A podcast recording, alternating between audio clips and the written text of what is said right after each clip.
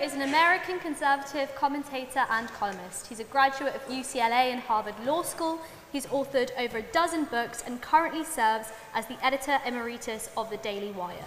He's the host of The Ben Shapiro Show, which is top 10 on Apple Podcasts and has over 6 million subscribers on his YouTube channel, where he discusses topics ranging from the US election to gun laws to Cardi B's WAP and the Barbie movie.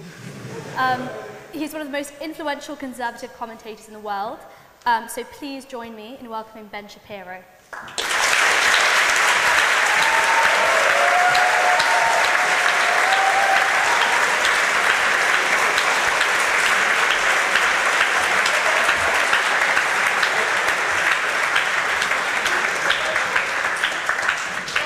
Thank you very much for joining us today. Um, there are some students outside protesting the mere fact that you're speaking here. Why do you think that is? Well, I mean, it's a free country, thank God. Uh, this is a this is a, a wonderful Western country in which people have the ability to dissent, which is not true of an enormous number of countries in the world. It's a first of all, it's a it's an honor and a pleasure to be here at the Wizarding World of Harry Potter. Uh, and uh, I want to thank you in particular for, for having me because I've spoken to other people who are members of the union. And I know that you have some qualms about, uh, or you had some qualms about doing this conversation. So I really appreciate the fact that you're actually taking the time to have the conversation. I think it's wonderful. Um, yeah, the, the fact that people protest you is, is nothing new. I mean, people on the right protest people on the left, people on the left protest people on the right. Uh, I say things that I think are true. Some people find those things to be controversial. Uh, I did want to take a bit of a moment to, uh, to make a bit of an opening statement. I know that um, you know, that wasn't supposed to be part of the plan, but since it was good enough for Stormy Daniels, I figured it was good enough for me. Uh, and um, yeah, I did think pretty seriously about who I had to shag in order to get an opening statement. And as it turns out, for Stormy, the answer is everyone. But I, the, the opening statement tonight is pretty serious because of obviously the, the world events that we're watching around us, which is the real reason that you're hearing people outside chanting genocidal slogans like from the river to the sea, Palestine shall be free, which is in fact a genocidal slogan. The river they're talking about is the Jordan River, the sea they're talking about is the Mediterranean Sea. The, the, the real question is why that has become such a common sentiment in the West. Why it is that this has become such a common sentiment that you see 100,000 people marching in the streets of London in a pro Hamas rally.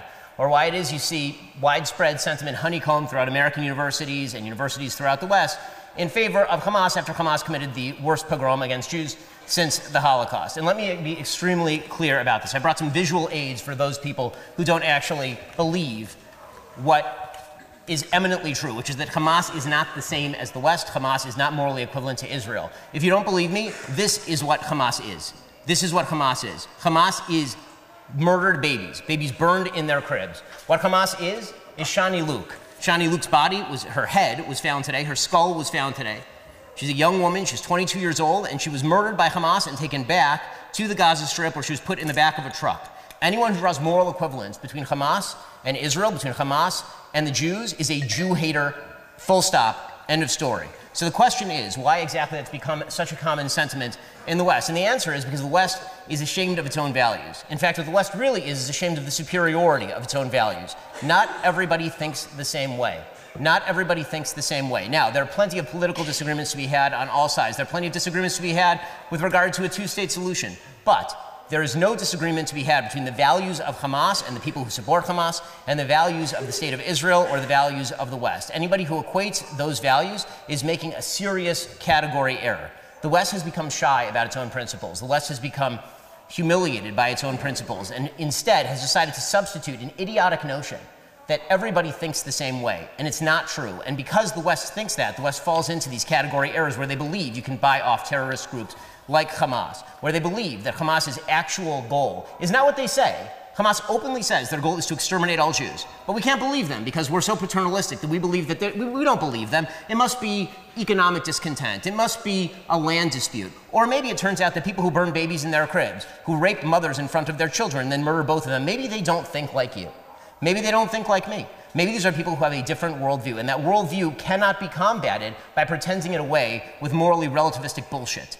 Maybe that is what we are watching in the West. And so, what the West actually has to do is start to have a little bit more respect for its own values. And back in 1933, this union voted in humiliating fashion the so called Oxford Oath that would not defend king and country. And that was used by people like Hitler, like Mussolini, to believe that the West was weak. Any civilization that will not defend its own values, any civilization that creates an equation between its own values and the values of groups like Hamas, is weak. And that is not something the West can afford. Now, six million Jews died in camps and died in ditches waiting for the West to discover that its values were superior to the values of the Nazis. The state of Israel exists that the Jews don't have to wait anymore, and thank God for that. But this is not about Israel for the West. What it is about is whether the West is going to defend values that actually matter.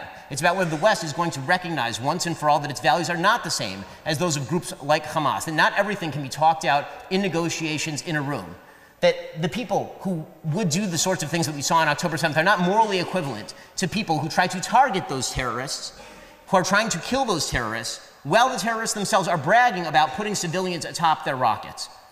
Okay, any moral equivalence that's drawn in this conflict by the people who are chanting outside should be treated as evidence of anti Semitism because there has never been a clearer moral contrast than what we are seeing right now. There's been a lot of talk about the two state solution, about the Israel Israeli Arab conflict over the course of decades. That's obviously going to continue.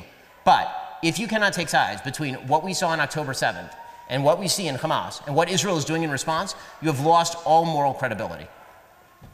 Um, in a 2019 interview, you said that hate speech is a principle that does not exist. Um, and in 2021, you said that no one should be fired over a tweet. Um, however, just a couple of weeks ago, you tweeted that if you work in the media and uncritically and reflexively parrot the genocidal Jew-hating terrorist liars Hamas, you should be fired. So why have you drawn a line there? Because why do you uh, sure. why do you draw a line for people that you disagree with, but for yourself there is no line? Oh no, I, I draw a line for people I, I disagree with when those people tend to back terrorist groups. So if you back a terrorist group, I don't feel that you are within the boundaries of free speech. I don't think there's no such thing as an Overton window. There certainly is an Overton window. I just think it's very, very broad. I think openly supporting terrorist groups is beyond the Overton window. Also, by the way, if you're parroting the claims so of Hamas, hate speech? Is what? that is that hate speech? So no, hate, it's not free speech. Hate speech. Hate speech is not a legal category. Hate speech as punishable by the government is not a legal category. That's a different thing from the idea that I have an obligation as an employer to hire somebody who supports Hamas or Al Qaeda. I certainly do not. Mm-hmm. And when it comes to the members of the media parroting Hamas, they shouldn't just be fired because they support Hamas. They should be fired because they're unbelievably crappy at their jobs. If you're parroting the Gaza Ministry of Health, which routinely lies about its statistics, as said by the Washington Post in 2014 and the New York Times in, in 2014, and still the Washington Post and New York Times are uncritically parroting Hamas, well, at that point, you're really bad at your job. And you should be fired for being that bad at your job. So it's okay for you to say things like, um, I know you've come under fire for this a lot, but the Arabs like to bomb crap and live in open sewage tweet. I'm so glad you asked um, about this. So. No, I, I, knew this was going to come up, but uh, you, you, then later doubled down on it um, and, and said it wasn't just, um, it wasn't just Arabs that, um, it wasn't just you said there are many, many Christian Muslim Arabs who are wonderful people, just not the ones who oppose Israel in the Israel Arab conflict. Yes. So you are allowed to say things like that about certain groups. Oh, I think anybody's allowed but to say that. But anyone else can lose their job if they say things. Well, I mean, first of all, I'm not entitled to a job. I'm saying that as a general principle, we should be very careful about who we fire and who we cancel and for what we cancel people. That doesn't mean so that there okay aren't. with it for some for some things. Well, I mean, I think even on the right, there are certain things where I think that they, they past the, the line of the Overton window and you can okay. be fired for that, of course. I mean, I'm not saying there's no line whatsoever. If you come out tomorrow and you start flying a swastika at your place of work, I think that you can be fired for that. But I think that, you know, when, when we talk about, you know, what, what I said back in 2010, as you, as you mentioned, mm. I mean, I can read you the rest of the tweets, okay? In the post regarding Israelis versus Arabs, this is September 27th, 2010. So it's, it's always fun when people pull up tweets that are 13 years old. But since I knew this was coming, we may as well do it. In the post regarding Israelis versus Arabs, I wrote about Arabs who take part in the Israeli Arab conflict, as anyone who can read knows. Apologies. You're correct, re slurs about Arabs. Not all Arabs like open sewage and blowing things up. I was specifically talking, by the way, in these tweets about Hamas and its allies. And um, just to make very clear, Hamas does like living in sewage and blowing shit up. That, that is actually Hamas's goal. This is why they have all of their resources right now hidden underground. This is why they have hundreds of gallons of fuel that they are not giving to the civilians in the Gaza Strip. This is why Hamas took literal water pipes out of the ground and refashioned them into rockets. I mean, the, the idea, obviously, that, as I say, even in that tweet thread, that all Arabs are, are in this category is not true. But it is true that Hamas is a terrorist group that would prefer to murder innocent people and get its own innocent civilians killed than to even care for those civilians. By the way, they openly say this. I mean, this is the part that's crazy. I mean, Hamas actually says this. The, the, one, one of the top Hamas officials literally said today that they do not care about their civilians. That it is the job of the UN and Israel to take care of their civilians. It's not their job. They're too busy in the tunnels. I just want to touch more on the, um, the issue that you said uh, regarding free speech, that um, you think it's, you, you, you do think there is a line. You think there is a line where something that someone says should be able to get them fired. Is that not a contradiction of your 2021 views, where you said that no one should be fired over a tweet? Uh, no, because it, again, I think that when it, it sure. so, sure.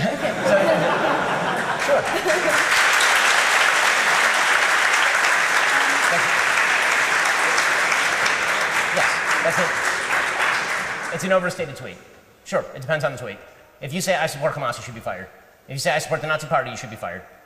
Yes, I think there are certain things that, that you know, run beyond the boundaries of an employer now i will say that if you said that 10 years ago and, they, and people hired you knowing that you said that and then they fire you when it's rediscovered or uncovered or whatever i think it's a bit of a different thing because it creates a bad incentive structure okay um, that's an um, overbroad tweet yes um, recently, you appeared on your show and you said uh, the only solution is for Israel to annex the Gaza Strip and kill enough sons of bitches to make sure this doesn't happen again.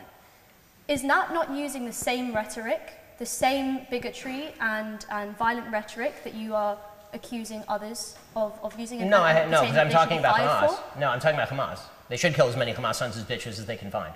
How many Nazis do you have to kill to stop Nazi Germany? Do you not make a distinction between Hamas and innocent Palestinian civilians? Of course I do. You're the one who's not. When I say sons of bitches, I'm specifically referring to Hamas. I've made clear in every single podcast that I've made clear in every single podcast that I have done that civilians are that the Israeli government seeks to protect civilians. They do. The, the, the amount I mean I've seen the tapes. I've seen the I've seen the actual operations that they do. The attempts they make to protect civilians are so far and away more than anything remotely like anything else in the region or really in the world that to suggest otherwise is ridiculous. And of course, when I'm speaking about the sons of bitches, I'm not talking about normal Gazan civilians who I've routinely suggested ought to be protected as best can be done in a war zone. That's not the same thing, but when it comes to Hamas, yes, I hope that they kill every single member of Hamas. I hope, I hope that every single member of Hamas is killed. But the Gaza death toll is now reported to be over 5,000. Um, almost half of the population of Gaza is under the age of 18, and those are statistics that have been supported by the WHO and Save the Children. Um, Israel has recently turned off the electricity, um, water supply, and you've spoken about this issue about Israel and Palestine a lot in recent interviews. You've rightly condemned the atrocities that occurred on October 7th to innocent Israeli civilians. Um, I tried to find videos of you condemning the deaths of innocent Palestinian civilians at the hands of the IDF or Israel, but I couldn't find any. Right, because so I don't I want to ask you. I, I just wanted to ask you directly: Will you condemn the deaths of innocent Palestinian civilians in the same way that you do innocent Israeli ones? Absolutely not. And the reason I will not is because the, the killing is not done in the same way or with the same purpose. That's like saying that do I do I condemn do I condemn that's that's that's like saying will I condemn the, the person who murders a baby in their bed by burning them alive the same way that I condemn the police officer who's trying to arrest that person and accidentally kill someone in the process. Of course not. Those are not the same thing, not remotely. But there have been innocent is the life, do you not sympathize with the life of an innocent Palestinian of child? Of course I do. That's why way? Hamas should surrender today. Hamas should surrender today. This bullshit that it's Israel's responsibility to protect Gazan civilians in a way that Hamas doesn't have to protect Gazan civilians. Or that what's happening right now is not the result of Hamas's terrorism and currently holding over 200 hostages, including babies, in custody. That's insane. Try, try, trying to draw a moral equivalence between people who are making targeted strikes against terrorists who are hiding underground in tunnels deliberately, violating international law, in violation of the Geneva Conventions, holding the other side civilians underneath the ground while not providing their own people fuel, not providing them food, not providing them medicine, and that I'm supposed to equate Israel attempting to make targeted strikes with Hamas literally sending 2,000 terrorists across another nation's border and into civilian areas with no military goal with no military goal, with purely the goal of murdering those civilians? I don't. Under, uh, let me ask you. Why exactly no, would I'm, you equate? I'm asking you no, no. Eh, well, I mean, you got, you got, several questions. So I'm, I'm asking. it's, it's, it's,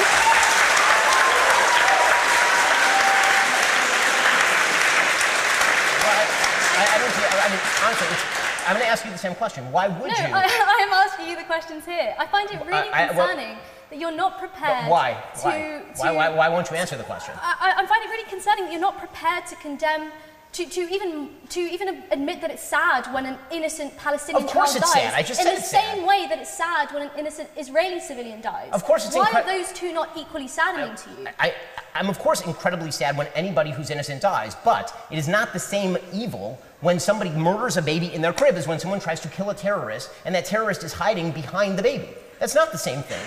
But innocent Palestinian children have lost their lives. I, of course they have, and Hamas should be blamed for all of that, and Hamas should surrender today. Will you call on Hamas to surrender? Absolutely. Okay, so then we're in agreement. Great. Okay. Um,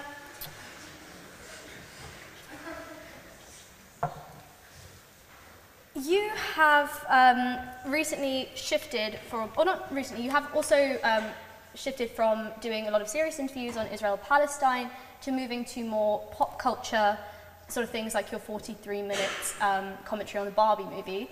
Um, Well, sort of the, sort of the reverse. I did the, bar, I did the bar, to be fair, I did the Barbie movie first, and then uh, Yeah, yeah. war broke, broke out in the Middle East. Fair enough. I didn't do Um, the Barbie movie after that. No, um, why do you, uh, why have you decided to do this? Why the shift? Uh, why, why, why doing them both at the same time?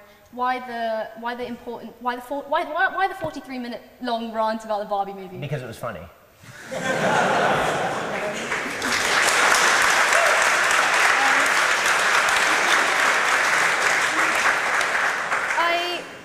do want to allow um, time, um, enough time for audience questions. Um, we are doing a format today with dispatch boxes that we uh, began last term. Um, so for the audience, if you are coming up to ask a question, you are able to do that from your seat, or you're able to do that from the dispatch boxes. Um, everyone that asks a question will have a right to reply, um, and then Mr. Shapiro will be able to respond afterwards.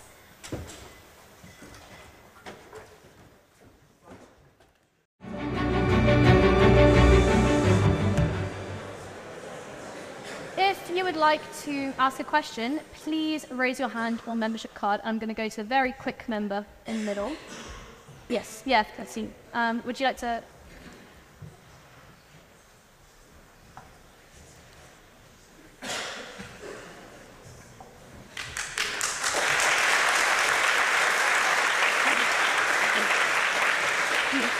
And find the sliding fence that way. Face that way. Yes. Okay. Um, so, Ben, your argument was predicated entirely on Hamas. But thousands of Palestinians, including hundreds of minors and children, are being held hostage by Israel without any charge, with well documentation of abuses, including sexual abuse, which Israel's own human rights organizations have reported. Hamas did not exist for decades after Israel's creation, and they're not in the West Bank. So, if you're going to be arguing about Hamas, how can we ignore that over 200 Palestinians have been killed, including over 40 children, making it the deadliest year for Palestinians in the West Bank before October 7th? That does not even include the killings happening now, just in 2023. So, what justification do you have for that if Israel intends to quote unquote go after Hamas? It's killing many people, especially children, under the justification of Hamas. So, what justification do you have of them targeting the West Bank, even if we were to buy anything you said, which honestly I'm questioning? Sure. Oh.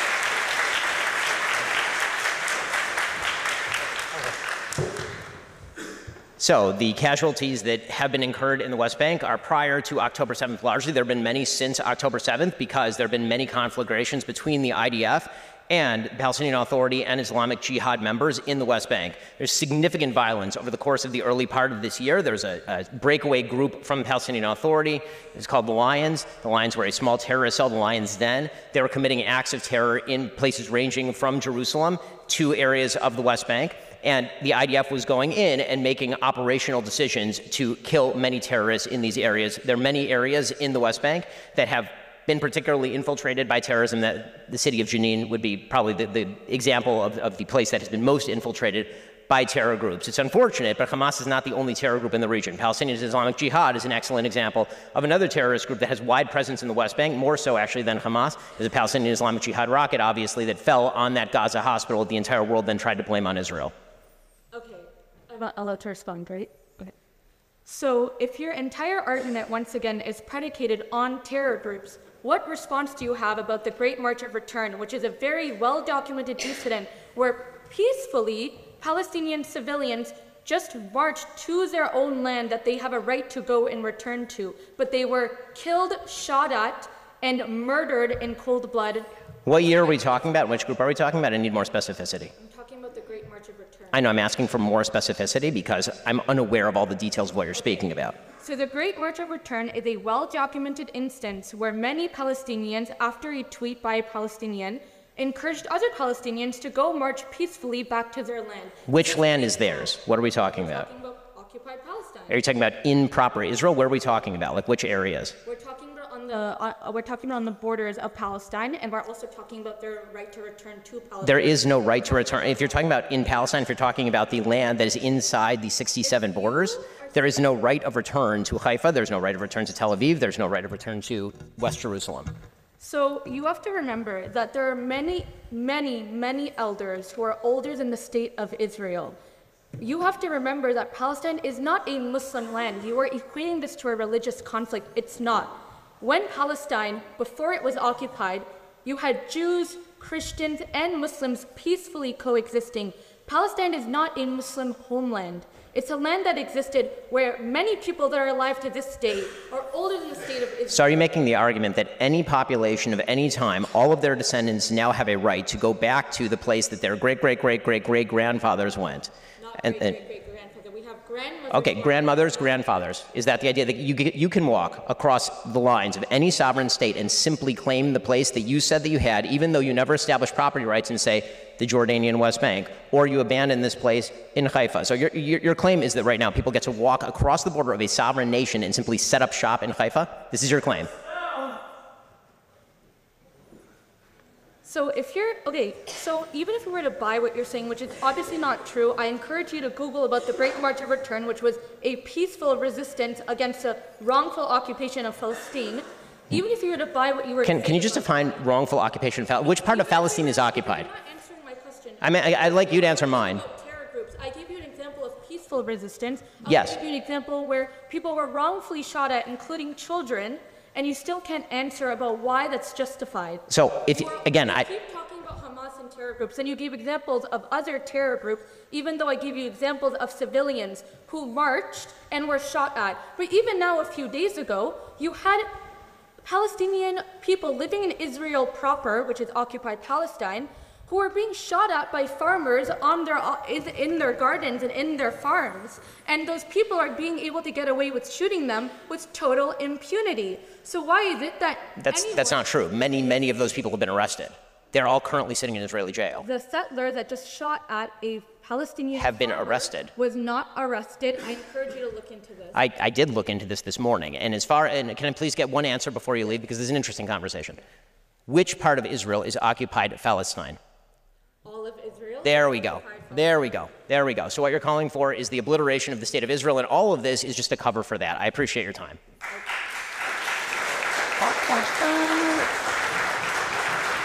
And now like to recording uh, Trevor. Thank you. And may I first say thank you for coming to speak at the Oxford Union this evening. It's a real pleasure. Um, I'm a theology student myself, and I was wondering how do you reconcile your conservative political views? Say into the, into the microphone. Or yes, Yeah. um, how do you reconcile your conservative political views um, with the religious values of compassion and your, your own Jewish faith? And your, your stance on the Israeli-Palestine war? I, I don't see why it's uncompassionate to call for the overthrow of Hamas, a terrorist group in the Gaza Strip, which has been oppressing its people and stealing billions of dollars from its own people. Ismail Haniyeh is living in a five star hotel in Qatar while his people are living in absolute misery because of a war that he initiated by killing 1,500 people inside Israel proper and then taking 233 hostages. I don't see why that's non compassionate. It seems to me that compassion also requires that you obliterate terrorist threats to your own population. Thank you. Um, I'll go to the member in the corner here.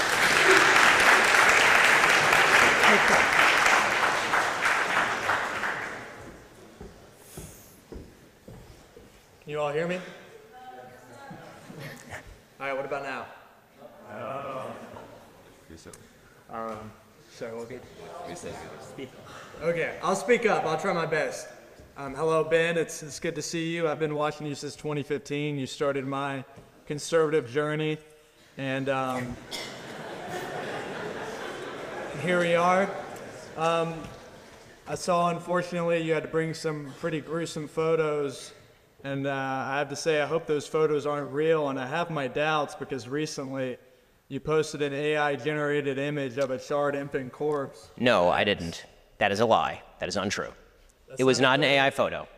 It was not an AI photo. It was distributed by the Israeli government and the Prime Minister of Israel. It was verified by the United States government. That fake community note that said that it was an AI generated photo was, in fact, taken down by Twitter because it was a fake community note.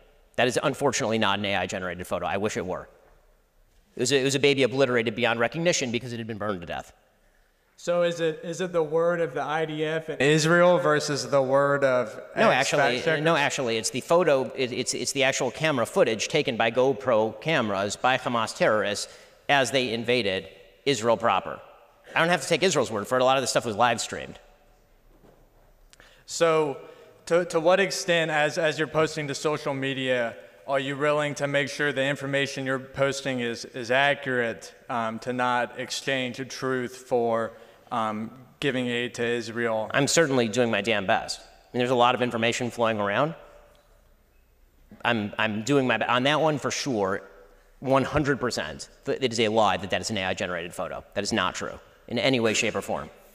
And it shows how the, it does show how we live in a very dangerous era where anybody can, I mean, this is happening on a routine basis. You're seeing, for example, some of the pictures, they're, they're horrible pictures coming out from Gaza, and a huge number of those are, of course, absolutely real. You're also seeing people who are repurposing pictures that are taken from Syria and then saying those are happening in Gaza. So, yeah, unfortunately, there is a lot of information that's floating around that is hard to kind of lock down and verify. That picture is 100% real, unfortunately. I sympathize with you because as AI gets more advanced, it becomes increasingly hard to discern information. So I know you bear a lot It's, of it's, and I mean, this is going to be a serious problem as time goes on. Seriously, like the flow of information is going to be more and more uncertain because of that.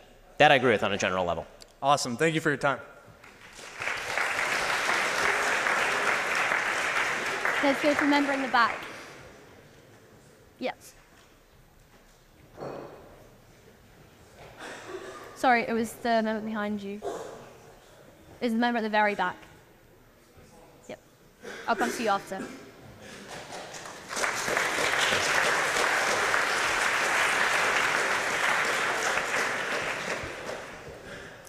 Um, hi. If Israel is justified in killing civilians because of the acts of terror committed by Hamas, why isn't Hamas justified in doing what it did? Because Israel is keeping 13,000 children, it has tried them in military courts. Since the establishment of Israel, 55,000 Palestinian homes have been bulldozed. So, why isn't Hamas justified in doing what it did if we use your logic? Um, well, so I'm going to answer your question, then I'm going to ask you a question if you don't mind. Is that all right? So the, the so my answer is that Israel would not be justified in killing Palestinian civilians because of the actions of terrorists. Israel would be justified in attempting to kill terrorists, and civilian casualties are a cost of war. That is just a reality of life. During World War II, there were 70,000 Brits who died during the Blitz bombing, and there were 2 million Germans who died, civilians who died during World War II. And I don't see a lot of monuments in Britain because of the 2 million civilians who died in Germany. The costs of war are brutal, they're terrible, they're horrifying. There's a vast difference in moral scope between deliberately going into a civilian area and murdering everyone you can find and trying to kill a terrorist who is deliberately hiding beneath a civilian area, hiding their rockets in civilian areas, starving their own people. Eh, There is a vast difference. Okay, so let, let me now I get to ask my question if you don't mind. So my question is, do you believe that there is a moral difference between Hamas going into, for example, Kfar Aza and murdering entire families, and Israel attempting to target terrorists and accidentally hitting civilians? Uh, Israel is effectively doing the same because Gaza is the most densely populated region in the world. There are 15,000 people per square mile. So does Hamas get Over immunity because the they're there? So Hamas gets immunity. So if Israel, you- Israel has killed 3,500 children in the past three weeks. That's So- more children. That's more children than have died in conflicts around the world in each of the last So, four so, just, years. so just to be clear, your logic is that if you're a terrorist group located in a densely populated community and you hide behind civilians, you're now immune. Where are the children meant to go? So you're immune. Okay. That's Where a violation of the go? Geneva Conventions, but okay. You're, you're now 20 immune. Your no, logic is that if you're a Hamas sorry, terrorist, Sorry, since 2005, 23 out of every 24 conflict deaths have been Palestinian. I don't see any moral equivalency there. It's clearly unjust what the IDF has been doing to the Palestinians because there's a vast disparity between the number of Palestinians being killed and the number of Israelis. I mean, I would The certainly hope that disparity is Israel is killing more Hamas. This isn't a conflict. I- This isn't a conflict. This is one-sided ethnic Okay, so, cleansing. again, I'm just asking you, if based on the numbers, more Germans died than Brits in World War II, did that mean that British, the British were wrong in World War II? Because they did. Many more Germans died than Brits. Based on the numbers, does that mean that Britain was wrong in World War II? Britain wasn't bombing civilian civilians. There's a clear You, you, difference. should, you, should talk to, you should talk to the people in Dresden, but There's you can't because they're dead. There's a clear difference. Well, I agree that war is horrible, but this is not a just war. What Israel is doing is not a just war. There is a difference between Wait, uh, fighting hold the on. Nazis. So it is, so it is not There's a just war. to, it- fighting the Nazis. It is not. It is not. It is not a just war when you fight a war against people who murder 1,500 of your civilians and take 233 of them, at last count, captive into tunnels. It is not a just war to obliterate them. Please name a just war. Israel's been killing civilians for the past 75 years, and there was no headlines about it, and there was, nobody said that the Palestinians were Israel does not purposefully kill civilians. Palestinian terrorists do. Israel has not If, if Israel put down its guns tomorrow, to there would be a, by that statement? if Israel put down its guns tomorrow, there would be a second Holocaust. If the Palestinians put down their guns tomorrow, there would be a Palestinian state. That is the reality. And let me ask There you would not be a Palestinian- Settlement- I'm going to ask you. I'm going to ask you. Israel The has been built I'm going to. I'm going to ask you. The, I'm just going to ask you the last question. The same question I asked her. Which part of Palestine is occupied? The entirety of Palestine. But there we go. I'm not Thank you calling once for again. the destruction of Jews. I appreciate. calling- I appreciate you expressing your full genocidal intent Why- for the Jewish people living between the river. Why and is it genocidal to call for a state that is not apartheid? You can have a state where all citizens have equal rights, Jews and Oh, Muslims. I'm, I'm sure that's going to go That's not amazingly under the, uh, under the same people who are governing the Gaza Strip, where currently Order. zero In the- Jews in the live. interest of time, can we move on to the next uh, question, please? Um, and let's go to, I think the member in the green jumper. Yeah. Oh, sorry, I thought it was green. Yeah. Yep. you.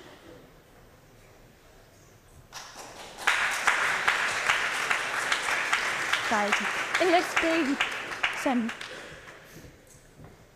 Um, ben, it's an absolute displeasure to see me standing. well, it's absolute. I will get to my question, however. Thank you for coming anyway. My displeasure. Now, I'll repeat the, the question that I, I sought to ask you.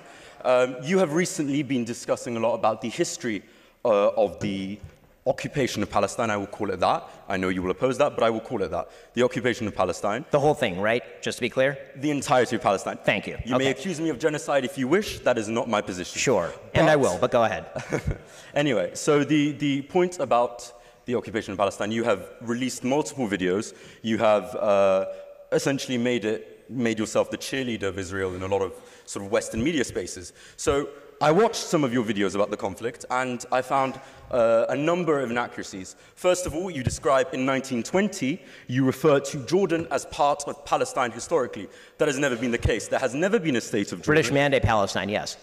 That is still not the case. Jordan has never been part or considered part of Palestine. The only part, only time that Jordan has been considered adjacent to Palestine is part of sort of biblical mythology where Transjordan was a reason. That's wildly inaccurate. The That British, man, the British mandate was had a mandate over Please all of. Palestine, and then me- they separated off Transjordan and handed it to the Ben- Hashemite kingdom of Jordan. You will get your chance to reply. Let me finish. Now, my second point, my second point, the second point that you have phrased constantly and consistently, and it's quite a popular Zionist talking point, is the fact that the Arabs have rejected peace every time it was offered to them. Now, I would like, of course, there's been multiple times where peace has been offered, so let's discuss some of them. The Peel Commission. The Peel Commission entailed expelling multiple Arab families and multiple Arab communities, largely agrarian, from the land in order to create a Jewish state under a colonial authority. Now, I understand, of course, you are a Zionist, so you believe that's desirable.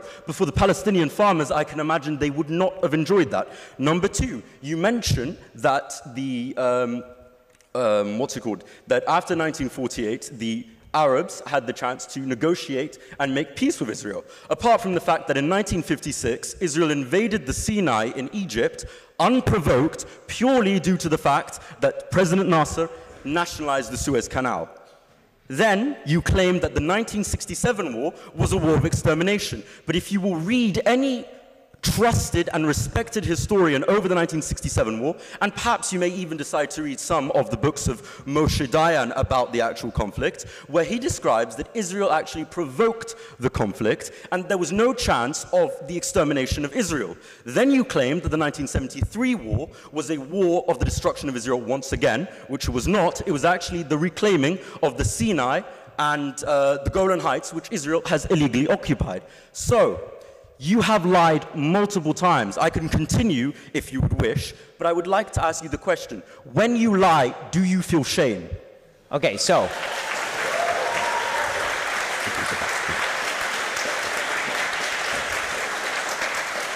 In order for me to feel shame, I would have to be lying as opposed to you just being wrong about all of these things, which you are. So let me start from the very beginning of what you said. Let's try to go through the calendar. British Mandate Palestine was ruled by the British. They carved off Transjordan in 1920, and Transjordan was made into Transjordan with the Hashemite kingdom, which, by the way, is not domestic to the actual area of Jordan. So if you're talking about a colonial outpost, Jordan would be it, since the Hashemite kingdom has nothing to do with the actual Palestinian Arabs who are living in Transjordan. Talking about the Peel Commission. If the idea is that there would have to be a separation of populations in order to effectuate a two-state solution, which you deny, then I was right. Of course, there was a deal on the table. The Jews accepted it. The Arabs rejected it. So you did not actually David undermine my case. in his Then there should be diary- no deal in the first. Ben-Gurion in his diary states. Hold on, hold on, hold on. I, I listened to your whole bullshit history for like five minutes here, so at least let me respond to it.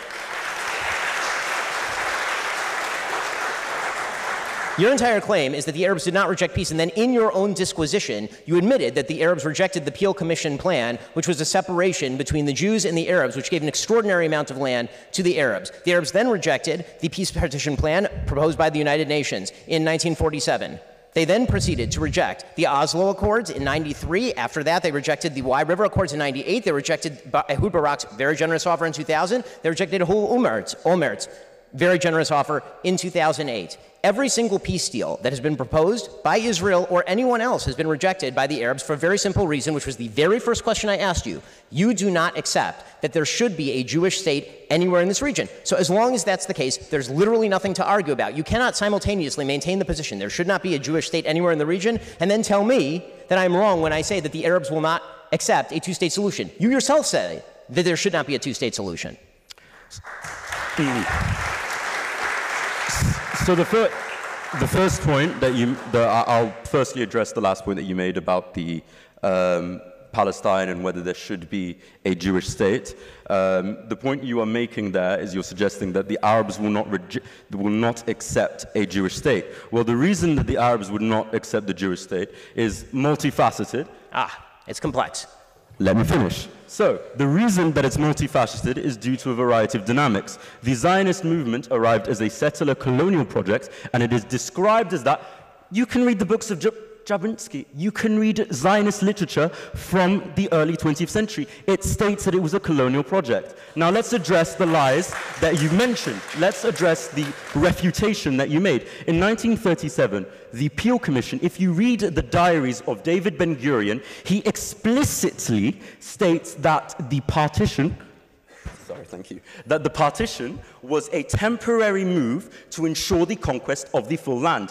In 1948, there had already been an intercommunal civil war in Palestine, which had seen Jewish defense forces versus the Arab forces. There was already a conflict that preceded 1948. To claim that the Arabs simply rejected the UN partition plan is once again ahistorical. You then make They literally rejected it.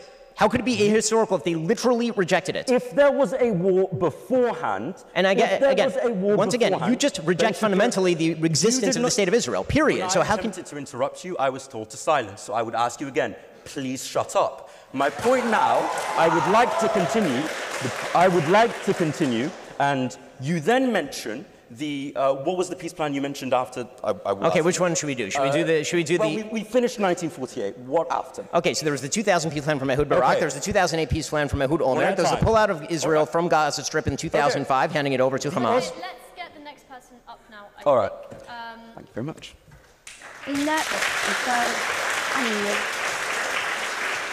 One final note there can be no two state solution when literally you will not accept the possibility of a two state solution. That is the end of the story. There is no further discussion. let's do the ex-president on the front bench.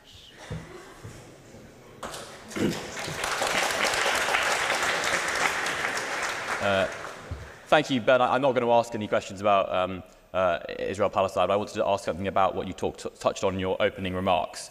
Uh, you said that the reason you feel called to speak out, one of the reasons you feel called to speak out about what's going on in Gaza at the moment, uh, is that you think that it is a question about the West standing up for its values uh, and uh, asserting its uh, identity and knowing what it is.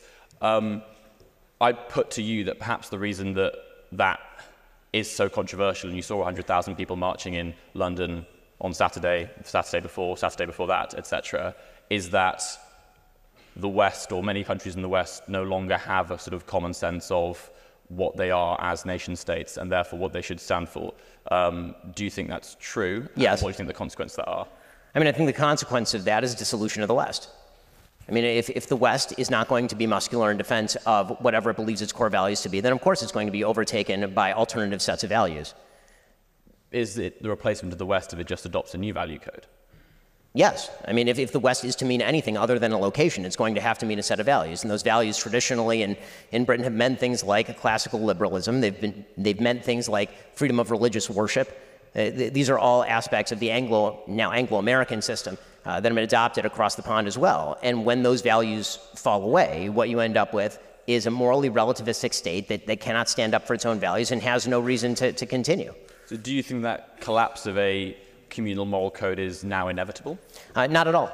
I don't. In fact, I think that there is going to be a, a, quite a backlash to the insane bl- self blinding that has taken place by the West. This belief that everybody is uh, at root thinking the same sorts of thing and, and engaging in the same sort of incentive structure. I do not think that that is the case. I don't think the West always believed that.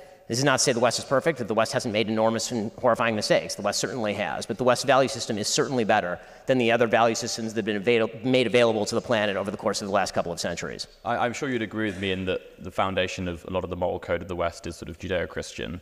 Do you think that mass secularization post the Second World War, at least in the United Kingdom, it's been much more delayed in the United States? Uh, yes, I mean, I, I think that, that the religious Judeo-Christian values that have been, you know, brought into the secular world by, uh, by a diverse society, and then, and then sort of secularized in, in terms of the way they've been embedded in our laws. Yes, I mean, I think a lot of the Enlightenment values that originally had their roots in Judeo-Christian culture, uh, I think those are beginning to wear away. I think that, that we're suffering from a, what, what one author called the cut flower syndrome, that, that if the idea is that Judeo Christian values have to undergird a system of Western liberalism where there has to be a common agreement in terms of the things that we hold dear and the kind of good that we hold as the highest good, in order for there to be room to stick and move within that good and toleration of minorities and, and the marginalized within that same framework, it has to be an agreed upon framework. When you cut that off from its fundamental religious roots, it's very difficult for, for the flowers to survive. They can survive for a little while in water, but eventually they wither. So if you don't think, can I ask one more question very quickly?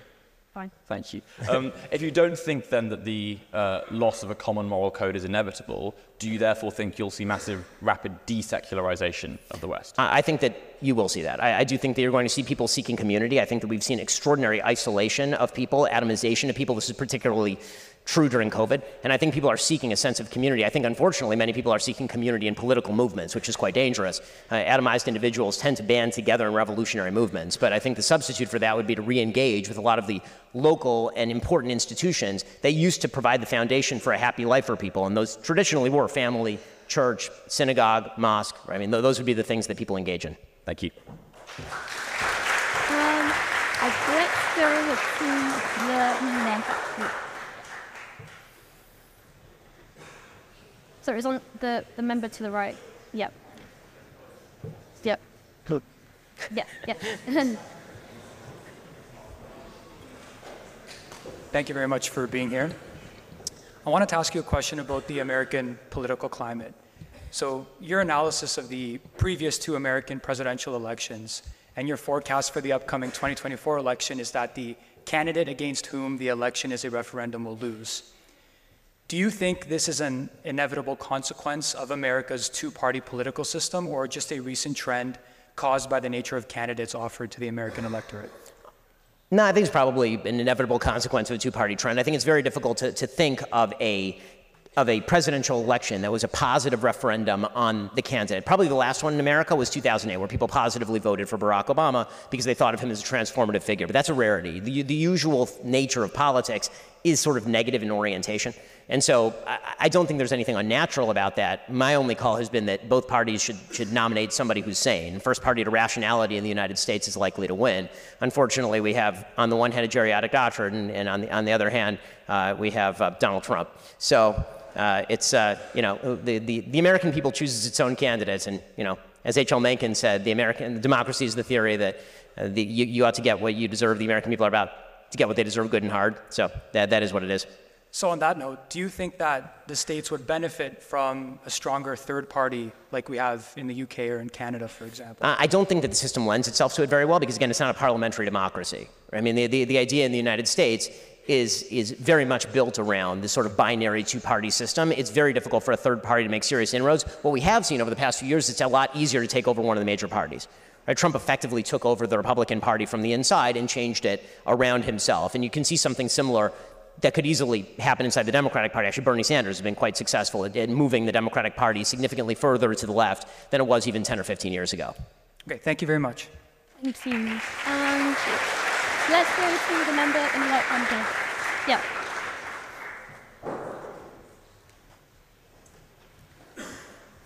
Hi Ben. Um, yeah, I, have also also watched you from uh, 2015, but then like I grew up. Uh, I, I, became a lefty, but um, yeah.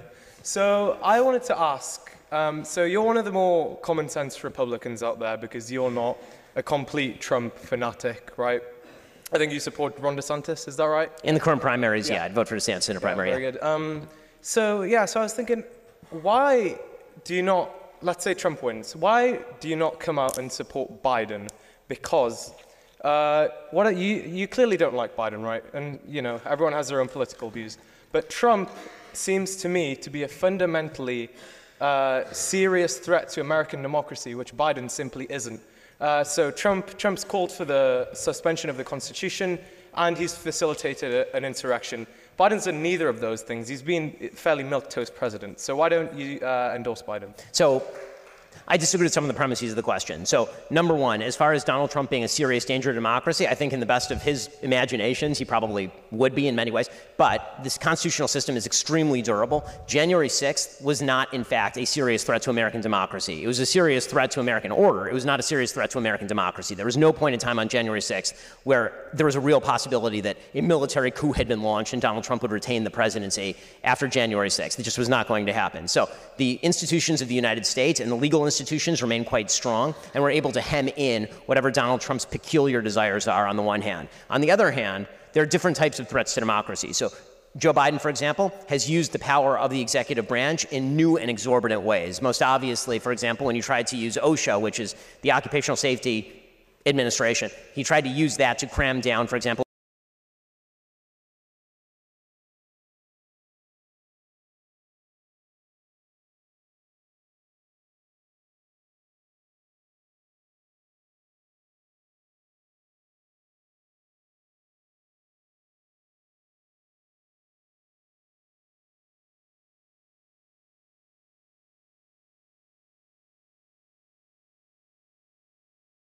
actual policies of Donald Trump, the stuff that he actually did as president, not, not the crazy tweets and the, and the nutty stuff that he says all the time, but in, in what, what he did in terms of the economy, what he did in, in terms of foreign policy. I'm obviously much more in alignment with his actual political positions than I am with Joe Biden. As far as the threat to democracy, as I say, one is more subtle and one is more obvious. And in some cases, the more obvious is actually the easier to reject.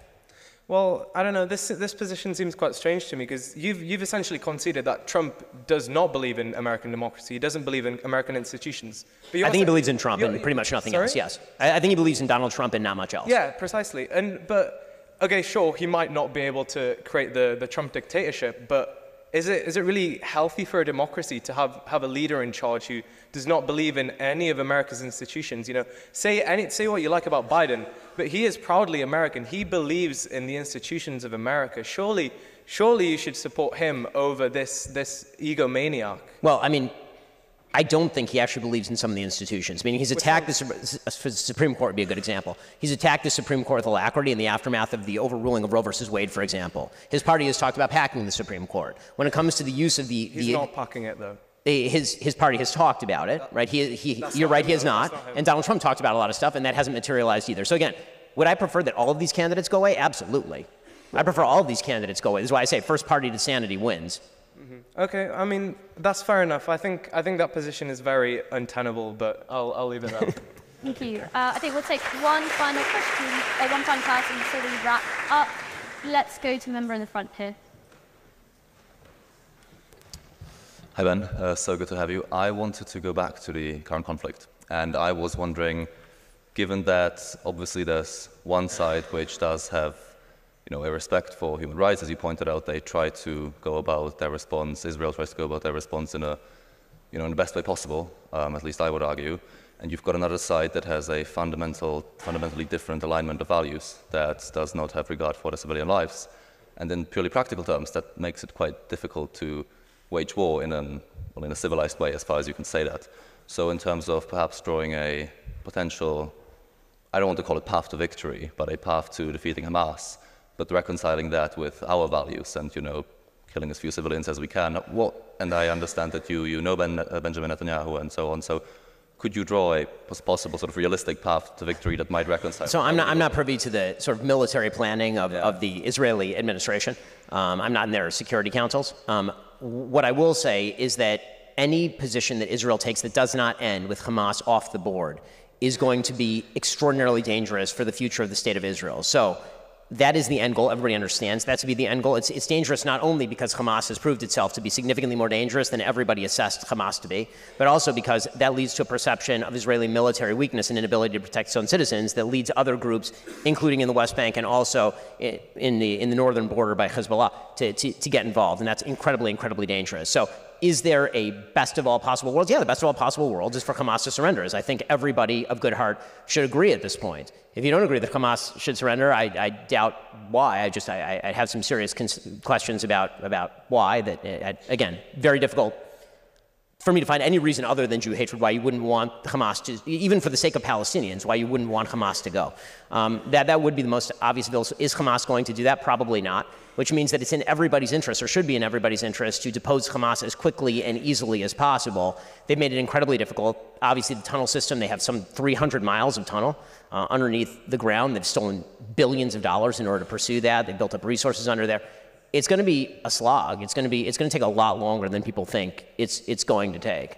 And it's going to cost by, by the end of this it's going to cost a lot of Israeli soldiers' lives because they're going to have to attempt to go into serious urban terrain and and and wage this war. So I, I wish I saw a good way out. I don't see a good way out. I think people, you know, eh, there, there are a lot of happy solutions that we tend to think about in the West, but very few of them tend to materialize in war. I suppose such are the realities of war. And as a, I just wanted to say on a personal note, as a citizen of the Czech Republic, I think we stand very firmly with Israel. I appreciate that. history that. of doing so, and I hope everything is resolved as quickly as possible. And through your personal connection as well, I, you know, wish you the best. Thank you very much.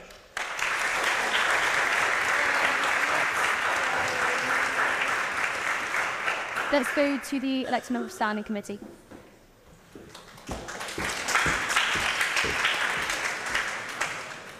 Hello. So you have expressed pro-life sentiments before. How can you, um, so when women with, from low-income backgrounds, uh, often in places where abortions are illegal. I've lived in a country where abortion's been illegal. They go and people from low-income backgrounds are the ones who have to do unsafe abortions at home, who have to go into in back in in backstreet um, vendors' places. How can you justify this as being safe for women to have just safety of, of women's health and women's rights?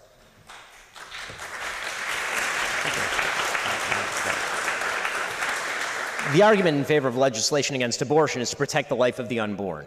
The ideal would be that people don't violate the law in order to pursue an abortion. If you violate the law in pursuit of an abortion, you're obviously violating the law.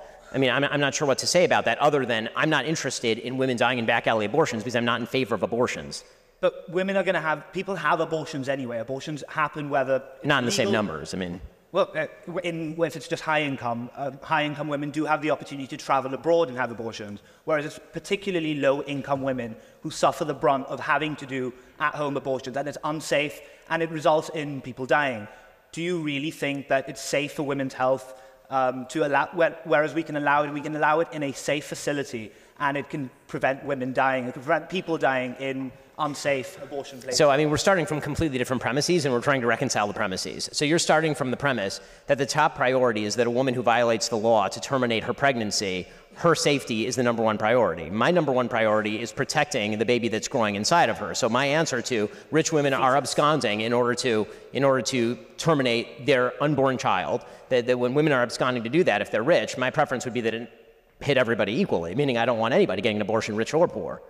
So, the, so as far as you know, the, the second follow-on effect of that, obviously any law is going to have you know, horrible downsides. That's true of literally every law. But the question is, when you're making a law with regard to, say, abortion, what are you attempting to prohibit, and how many lives are you preserving in the process of doing that? Abortions are going to happen anyway. Uh, well, I mean, I, I understand that argument, but the fact is that when you make it significantly more difficult to get an abortion, fewer people get abortions. I mean, that's the entire purpose of having a law against abortion. That's why people, presumably, who are pro-choice, don't want there to be laws against abortion. Yeah, uh, yeah. Mostly don't want pe- um, people to have laws against abortion lots of the time, so that people can, you know, have them in a safe environment. But but have them at all is sort of the first part of the sentence, right? Yes, yes, yes. Yeah. Thank you. Thank you. Um, we don't need very long left, so just before we wrap up, I wanted to ask two final questions. Um, one of them is um, you. Uh, this didn't come up yet in the interview, but you've been quite vocal in your uh, criticisms of the Black Lives Matter movement, stating that all lives matter. Um, but throughout this interview, um, you have not equally defended Palestinian lives, the civilian Palestinian lives, in the way that you have Israeli civilian, Israeli civilian lives. Um, so when it comes to Israel Palestine, do all lives not matter then? So first off, it's a wild mischaracterization of a position that I've obviously expressed to you. You literally asked me, do I value Palestinian lives the same way I value Jewish lives? And I said, yes, I don't believe that the act of evil in targeting a Jewish child is the same as a military attempting to target a terrorist who's hiding behind a baby. So don't mistake the position, please. When it comes to the, the all lives matter position, of course I believe that all lives matter. My fundamental disagreement with Black Lives Matter is I don't agree with their premise. Their premise is that black people in the United States are being uniquely targeted by law enforcement for murder. And I don't think that the statistics prove that. I don't think the evidence is there for that. So I, I, I don't agree with the fundamental premise of the Black Lives Matter movement. Not that I don't believe that black lives don't matter. Of course black lives matter. They matter exactly the same amount as every other human life. But again, there's, there's an, I think, a willful attempt to misinterp- misinterpret my position on some of these issues.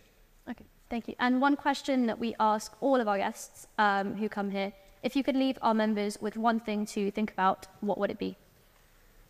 I mean, I, I think that tonight, the, the thing that I would leave with is the same thing that I came in with, which is that there are certain values that are worth protecting. There are certain values that are worth protecting. And one of those values is the value of understanding, the value of understanding clear moral differentiation, which obviously has been completely obscured. I, I think tonight we've seen some evidence of people obscuring some clear moral differentiation between the targeted burning of babies in their homes in front of their mothers by shoving them in an oven and people attempting to kill terrorists who are themselves putting civilians in harm's way in violation of the rules of war and the Geneva Conventions. And if you're one of the people who's making this sort of moral equivalence, I ask for you to check your own heart. And if you're one of the people who's watching people make this moral equivalence and being convinced by the supposed complexity of the issue, I ask for you to check your brain. Thank you.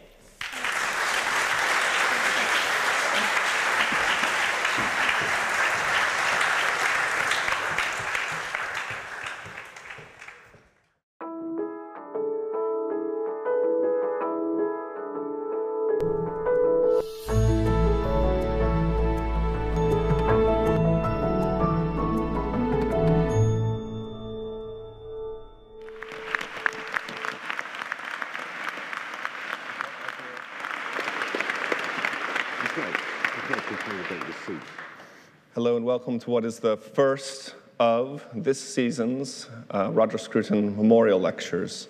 And it's our hope that these lectures will at some point cease to be memorial lectures and become an institution in Oxford, uh, grade one listed lectures, as it were.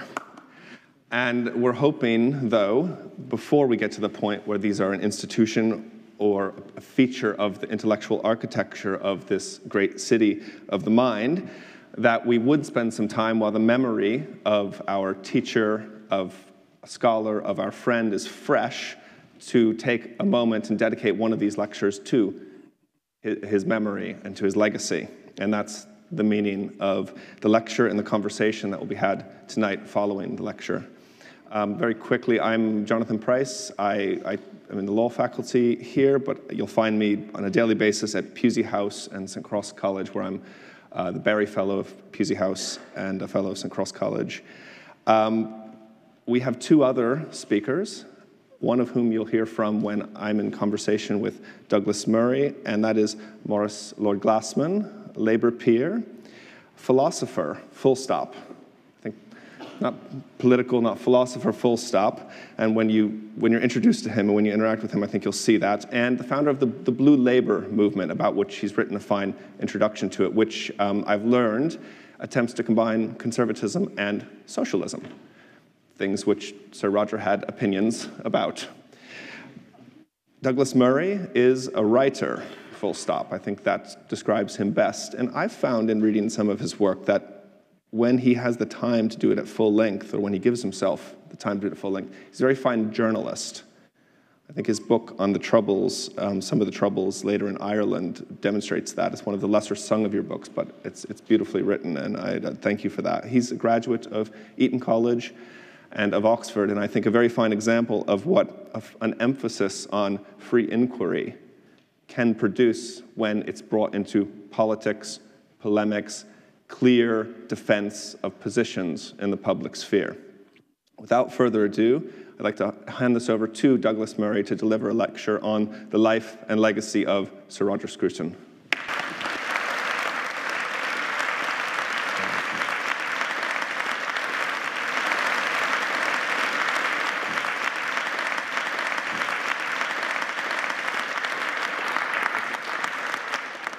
Well, thank you very much for that very warm introduction. I first met Sir Roger Scruton uh, over two decades ago in a very unprepossessing office building in a very unprepossessing part of London. Uh, I'd finished my time at Oxford with not very much distinction, uh, but with a book under my belt, a book which had both started my career and also stalled it because after leaving this place, I discovered to my great surprise a truth that all writers must at some point discover, which is that unless you keep working, the money doesn't keep coming in. I also wanted to pivot from literary writing to political writing. Facing the prospect of destitution, one of my great friends, the late president of Magdalen College, Oxford, Anthony Smith, proposed that I seek an internship at a small online magazine in London where he had an in with an old left wing comrade of his. For the princely sum of 50 pounds a week, I made coffee and started writing my first political, not to say polemical, works. To my great good fortune, one of the other employees at the website was the wonderful Sophie Scruton. We became fast friends, and one day Roger, an occasional contributor, appeared in the office. I remember with great clarity the first impression that he made upon me. Because in an office full of surly people, all staring discontentedly into their computers, throwing themselves discontentedly at that day's discontents, Roger was sitting in the middle of the office, serenely reading an old hardback, a work of 19th century philosophy. Like Sophie, he was an oasis in the middle of a troublesome office at a disputatious time. At some point, Roger realized that he and I were fellow travelers on several questions, and he started, I now realize, to guide me. In those days, about 2001 to 2, there were two people whose good opinion I especially sought. One was Roger, and the other was Christopher Hitchens. Getting the good opinion of both wasn't easy, since neither had an entirely good opinion of the other. But if Christopher drew me towards him through his panache and fervour, Roger drew me for other reasons. The first, as many people will know here, was his goodness. When you're starting your career, it's often practical advice that matters to you most. After a while, I recall Roger recommending to me another web publication which sought a certain number of articles a year for the even more princely sum of £1,500. I thought I was made.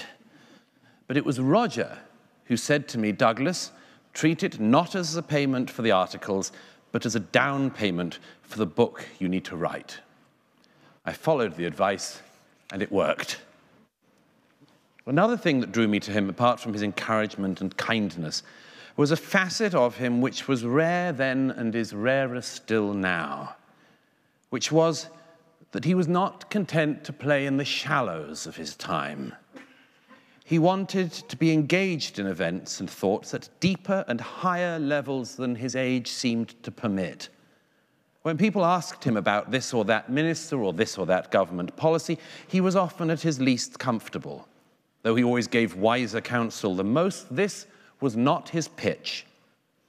Anyone who doubts that should try to listen to the event in which The Guardian once pitted him against Polly Toynbee. It can still be found somewhere online. Toynbee is trying to find any depths available to her by throwing out the ephemeral, while Roger is desperately trying to find a way to apply philosophy to ephemeral policies which Toynbee herself will have forgotten within the day.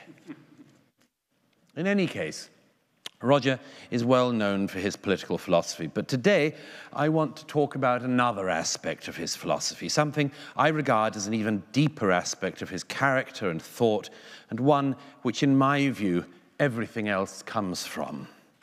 Because it seems to me that the thing that animated and dominated Roger's life as a thinker was his work on what lies beneath. Two particular things make me want to address this. The first is something that another much missed friend once said to me, the late Chief Rabbi, Lord Jonathan Sacks. He was a student of Rogers at Cambridge University in the 1970s, and by Rogers' own admission, one of his most brilliant students. Some years ago, I was trying to arrange an honor for Roger, since he had received none in his own land, despite being festooned with honors abroad. Of course, this campaign culminated in his receiving a, knight, a knighthood, something which went some way, I think, to healing the wounds caused by years of dismissal and mistreatment in his home country. Anyway, part of the process of achieving an honor, a campaign which Roger had no knowledge of, was to go to the great and the good and collect letters of support for the application. With the help of friends like Jessica Douglas Home, I managed to gather together a pretty wonderful list of letters. It was dominated by letters from former students of Rogers from the underground university. These were people who had been students of Rogers at the secret philosophy seminars he had run in upstairs rooms behind the Iron Curtain in the 1970s and 80s trying to keep the candle of freedom and philosophy alive in Central and Eastern Europe, whilst communism was trying to snuff them out. It was tremendously moving to see how eager his former students in the underground university were to testify to this man's greatness.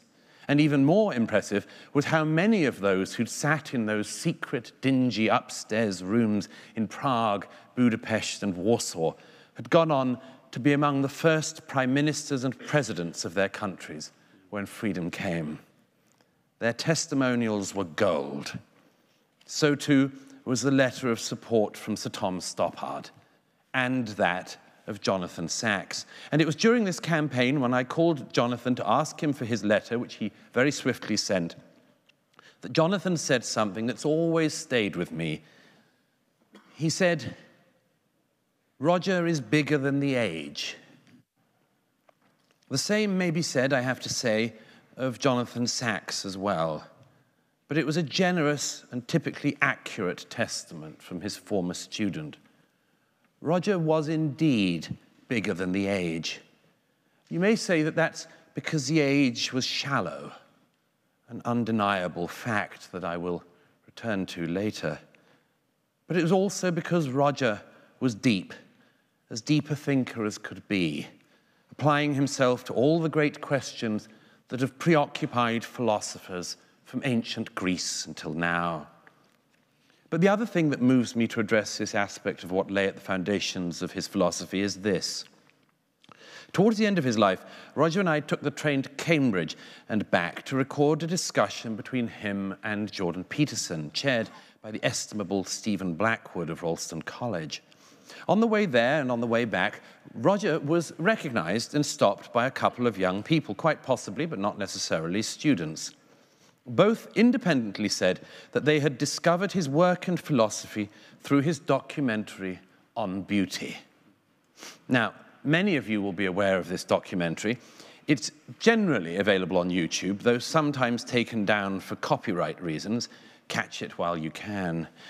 It generally comes back up in a version inexplicably with Portuguese subtitles. But no matter. The point is, that this documentary and the accompanying book from Oxford University Press seemed to hit a popular mark in a way that philosophers very rarely do. And it's because in that documentary, Roger addressed a question which our age does not like to ponder, which it seems, in fact, disturbed by. That question is a fundamental one. What is beauty? What does it mean? What is it saying? In a recent dark moment, I took a leaf out of Roger's approach that day when we first met and decided that instead of doom scrolling through Twitter or Instagram, I should console myself by rereading a great work of philosophy.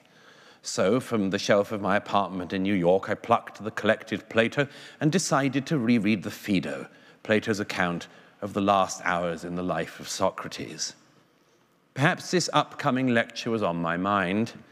Perhaps there was a reason why I wanted to remind myself of what a great philosopher who was most wrongly, unjustly accused and condemned might have been thinking about in his final days. That, too, is a matter I'll return to. But, as with all great works, on reading the Phaedo again, this time a question suddenly roared out at me that had passed me by before. What is it that the condemned Socrates decides to spend his final day on earth discussing with the friends in his cell? He talks about his life, he talks about life in general, about death, the potential immortality of the soul. He tries to console his friends and, of course, also scold them when they disappoint him. But what struck me this time was this why does Socrates spend his last hours, even his last minutes on earth, discoursing with his friends about beauty? In some ways, it's especially strange because Socrates' argument is one of causality. As he says, it seems to me that whatever else is beautiful apart from absolute beauty is beautiful because it partakes of that absolute beauty and for no other reason.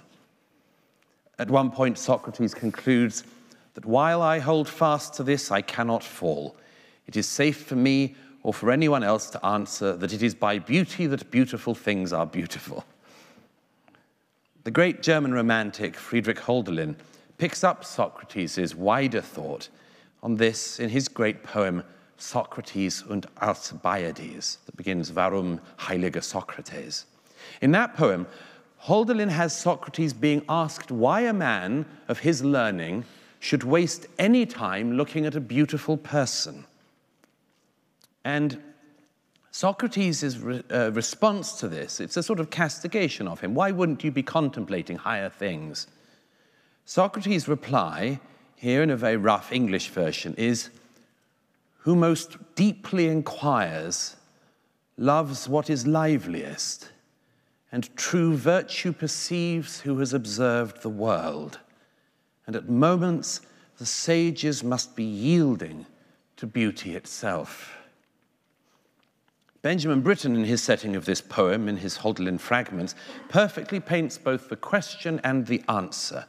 The question searches desperately for a key to arrive on.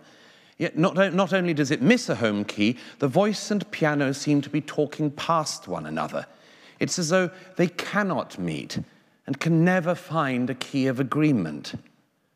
But the moment that Socrates' answer begins, the piano begins the devastatingly simple growth of a D major chord. From there, all is into safe harbor.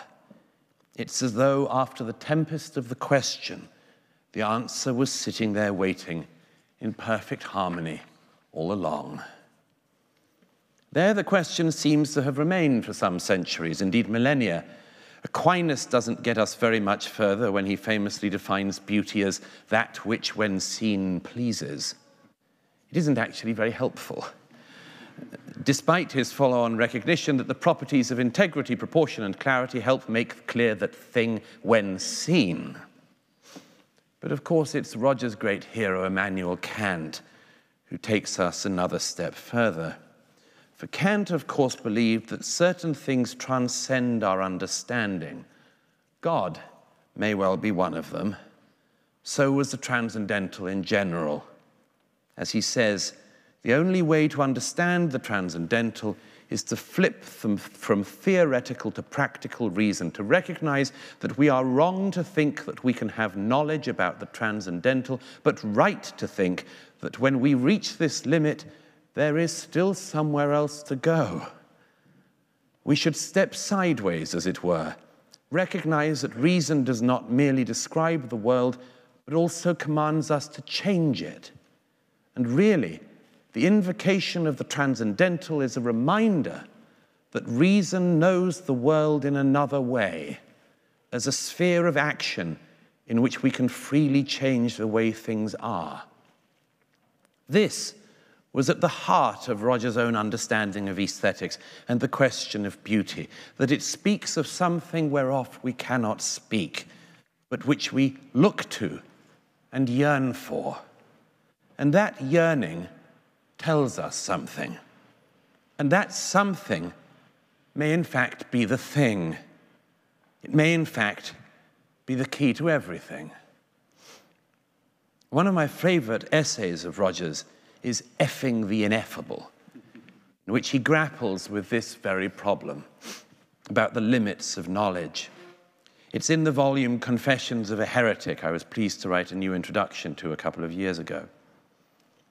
In that gem of an essay, Roger writes about the moments when we seem to encounter the utterly beautiful or the ineffable. In particular, the feeling we get when we get to the limits of understanding that Kant describes. Among the examples he gives are the moment of recognition that may come while listening to Fauré's F sharp ballad, seeing the smile on the face of the Mona Lisa, or watching the evening sunlight on the hill behind the house. Roger writes Anybody who goes through life with open mind and open heart will encounter these moments of revelation, moments that are saturated with meaning, but whose meaning cannot be put into words. These moments are precious to us. When they occur, it is as though on the winding, ill lit stairway of our life, we suddenly come across a window through which we catch sight of another, brighter world. A world to which we belong, but which we cannot enter. A world to which we belong, but which we cannot enter. This seems to me one of the best descriptions we have not just of the ineffable, but of the beautiful and indeed the divine. When I was younger and much more callow, I sometimes thought that Roger ducked the question of God. I sometimes talked about this with him in private because I knew it was something he was loath to discuss in public. Like many true philosophers, he didn't like to get pinned down precisely on the question. Philosophers are, by their nature, skeptics, and skeptics, of course, tend towards the atheistic. There was also the question of whether Roger pretended to believe a little more than he did in order not to let down an audience who he felt it part of his duty not to disappoint. This was a question that I often pondered when I attended Garsdon Parish Church with Roger and listened to the local vicar trying to give a sermon whilst Roger's huge cranium poked above the top of the curtain in the organ loft where he played with each service. It was a terrible job for the vicar. I suppose I especially came to this view that Roger was avoiding the core subject because whenever I read a new book of Roger's that was meant to be about God, such as The Soul of the World, Our Church, and especially his Gifford lectures that came out as The Face of God, I often came away feeling that Roger had addressed everything apart from God. Usually, these books addressed liturgy, literature, philosophy, aesthetics, music, the countryside, and always, of course, architecture. He's ducking it, my callow younger self sometimes thought, and to my shame occasionally said. And yet, the longer I've thought about Roger's work and thought, the more it has seemed to me that he was doing anything but duck the question. In fact, he was getting as close to it as it was possible to get, as close as it is possible for any of us to get. Architecture, the countryside, belonging, home, beauty, these were all gateways to God, perhaps the only gateways we have. Short of revelation, the beautiful is the best chance we have to approach the divine. He saw that beauty might be the best chance on earth to see something of God's face. We might see it in the facade of a beautiful building the music of Mozart, the sunlight on the garden. But there's another way to approach this question, which is to turn it around. In this version, we, we might say that it's not our place to judge beauty, because in fact, it may be more accurate to say that it is beauty that judges us. That's a view, among others, that Rilke takes. It is that the beautiful object, indeed, even the beautiful person, is not just beautiful, but is telling us something. And it's telling us something through the medium of beauty. Rilke addresses this most famously in his sonnet, sonnet on the archaic torso of Apollo. Standing before that statue, Rilke has a feeling of bereftness which can often come from seeing something utterly beautiful and not knowing what to do about it. A feeling that comes like bereavement. I know this thing is in front of me. I know that it is in some way challenging me, and I feel I need to do something or say something to react to it, even just to accept it. The genius of Rilke is that he gives the words that need saying not to the observer, but to the observed, not to the viewer, but to the archaic torso itself. And it's not just a suggestion, it is a demand, a command. In fact, it's a reprimand. And it's a pretty fearsome one at that. Because, as you know, the final line of Rilke's sonnet on the torso comes from the torso of Apollo himself who says to the man gazing at it, Du musst dein Leben ändern. You must change your life. And there's something in that that also returns me to Roger's thought. Because if this is one of the challenges that beauty makes to us, then it explains, among other things, why our age is so opposed to it standing in a magnificent building like this one, having driven past the wastelands of Oxford new builds.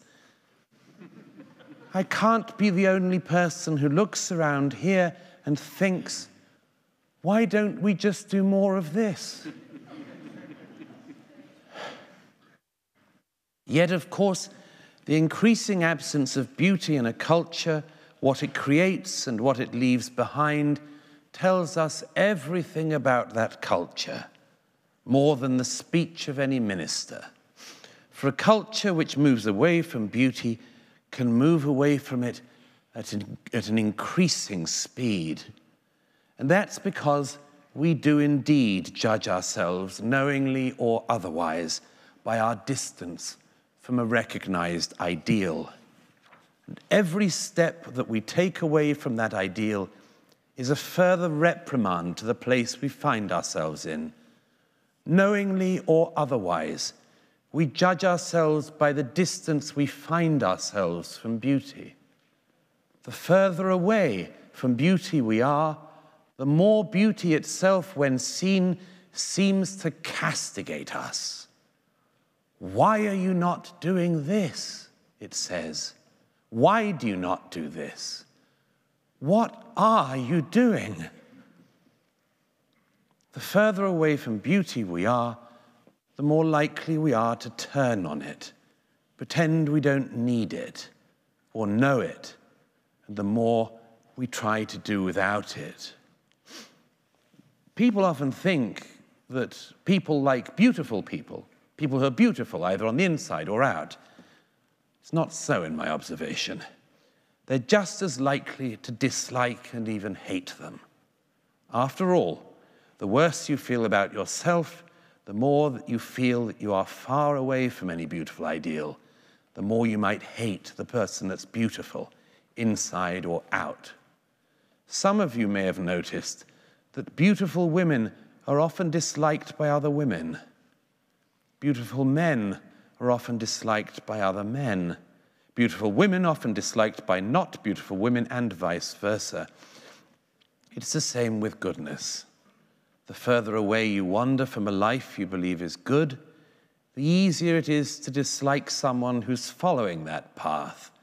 Just as the further you are from the life you hoped to live, the more you may resent the person living the life you missed. Because the judgment, like the judgment of beauty, falls not on the other person, but falls on you.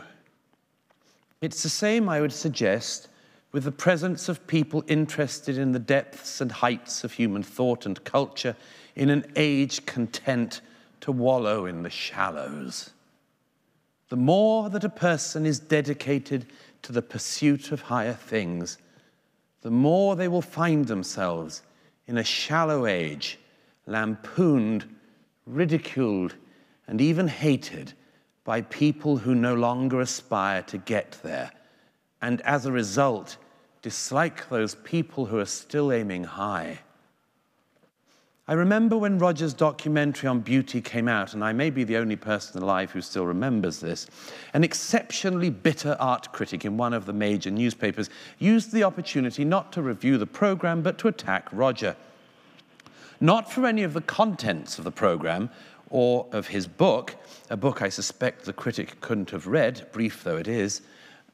Rather, he chose to attack Roger for his looks, certain of his political attitudes, his hair color, and even the alleged scrufulousness of his surname. I won't name this critic. Suffice to say, his own name and visage leave much to be desired.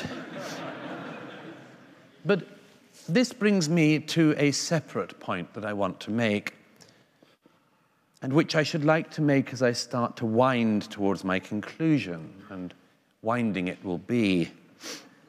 It's this the treatment of Roger in the last year of his life is something that some of us have a very hard time forgetting or forgiving, any more than I imagine that certain of the pupils of Socrates found it easy to settle with comfort on their city's decision to destroy their teacher. By the last year of his life, Roger had finally been not just honored in his own country, but given a position by a conservative government to advise on this most pressing of issues how to try to build beautiful housing in a country desperately in need of housing and even more desperately in need, as we see everywhere, of beautiful housing. Roger was engaged in his researches when a young snake of a man came to interview him misrepresented what he'd said, lied about him, and then attempted with his editor to cover up those lies. The fact that the magazine in question had been one Roger contributed to for many years didn't make the pill any easier to swallow. Roger was accused falsely of almost every one of the modern heresies, including racism, especially, strangely, racism against the Chinese. It was preposterous, a preposterous set of allegations, and several of us knew immediately that this was the case from the outset.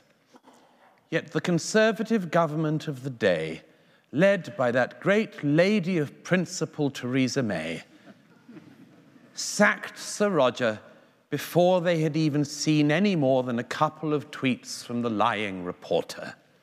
Conservative MPs and ministers declared it a no brainer to fire Sir Roger and declared that Scruton was just so much dead weight on their party. Meanwhile, the spokesperson for Labour's front bench, one Andrew Gwynne, declared that, quote, nobody holding Scruton's views has a place in modern democracy. so not only did Roger not have the right to a job, career, or reputation, nor should he merely not have the right to speak, he had no place, and not just in his home country, but in any modern democracy. As I mentioned at the time, I supposed that this meant that in future, if we needed views on Hegel, Kant, or Spinoza, we would have to raid the mind of Andrew Gwynne.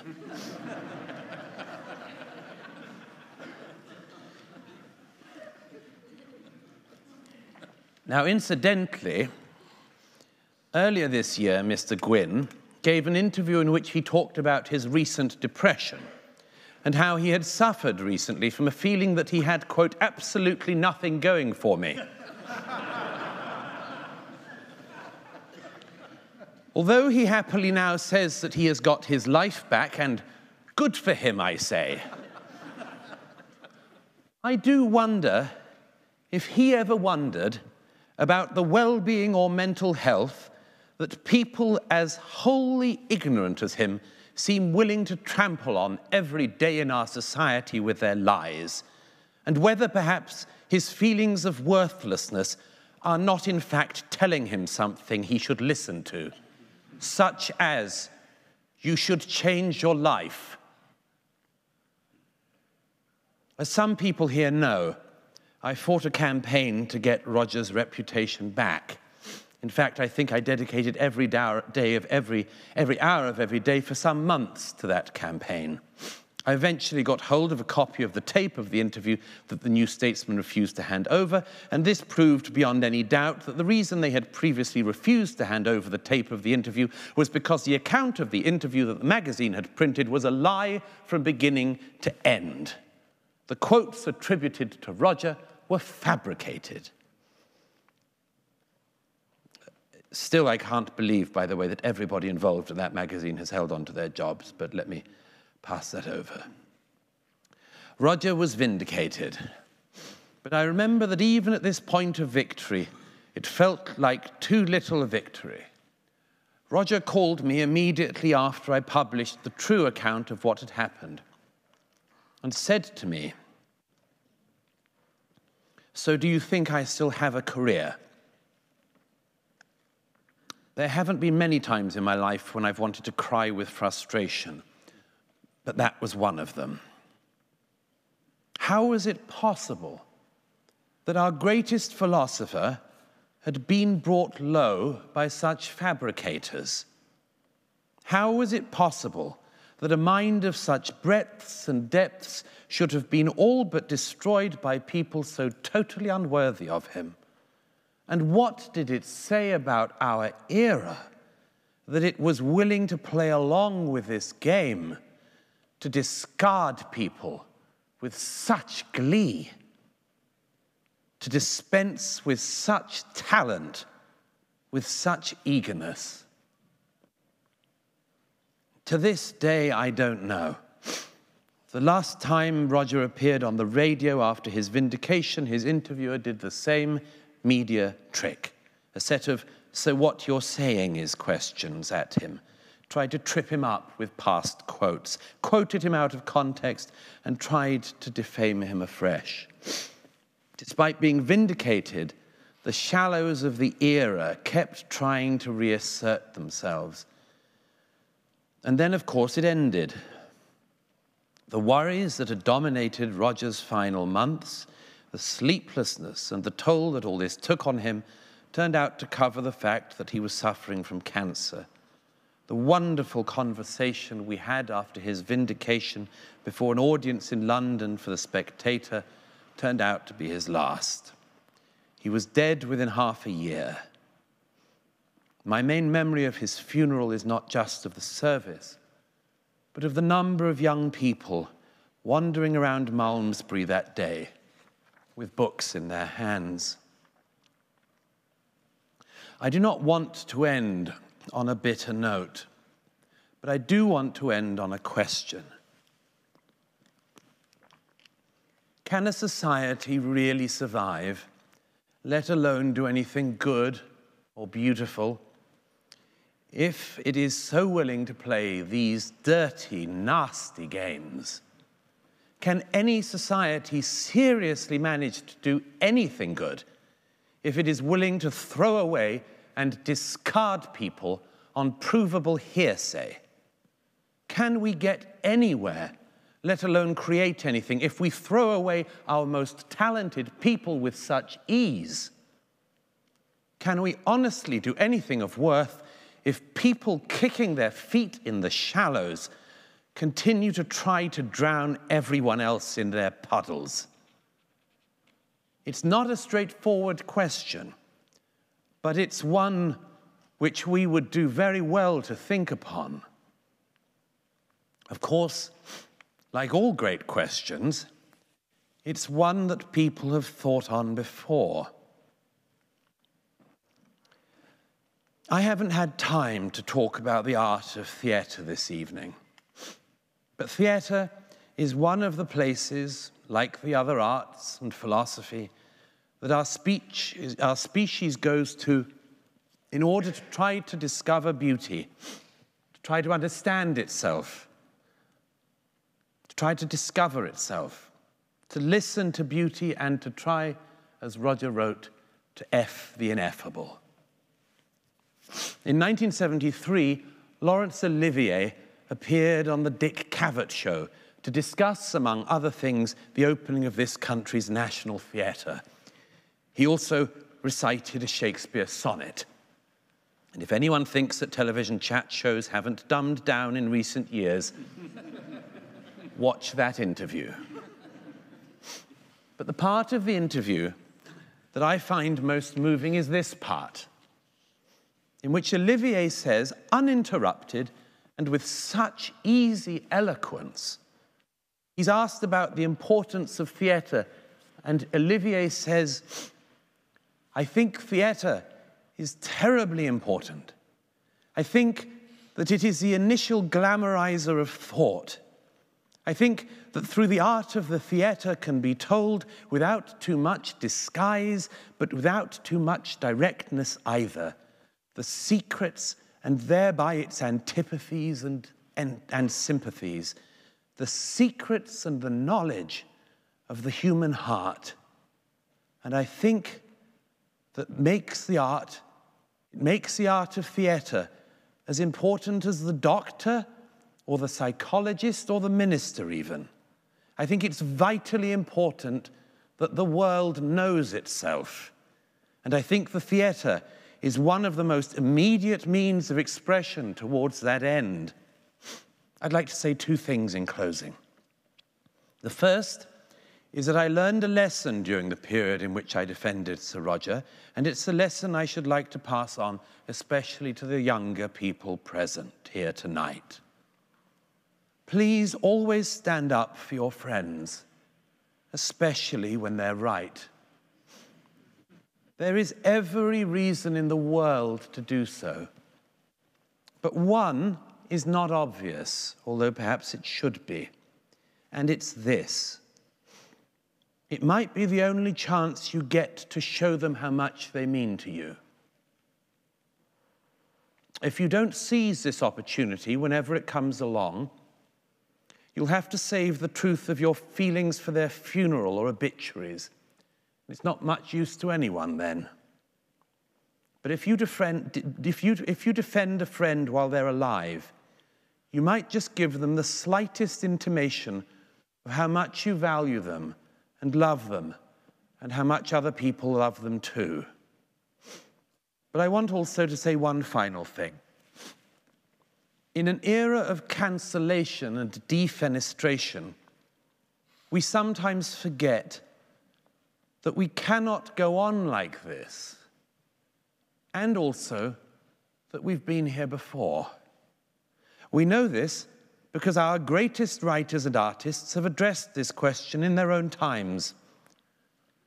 When Roger was going through his own battle with the shallows, I often thought of Shakespeare's rarely performed but great play, Timon of Athens. Timon has the whole world before him. He's surrounded by friends and admirers. He's been generous to all. Yet he falls on hard times in the city. And when he does, absolutely everyone deserts him.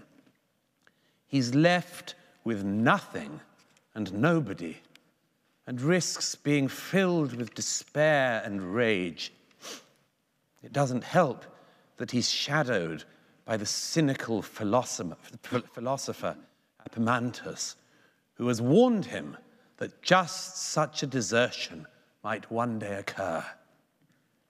I adore this scene and should like in closing to read it but I'm not a professional actor.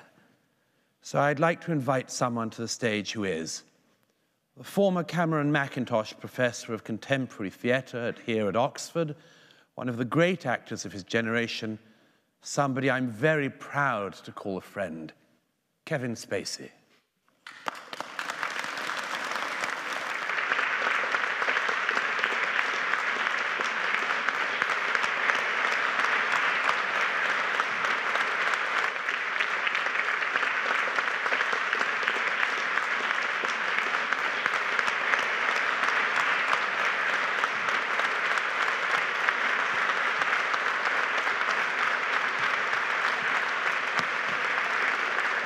Why, why dost thou seek me out?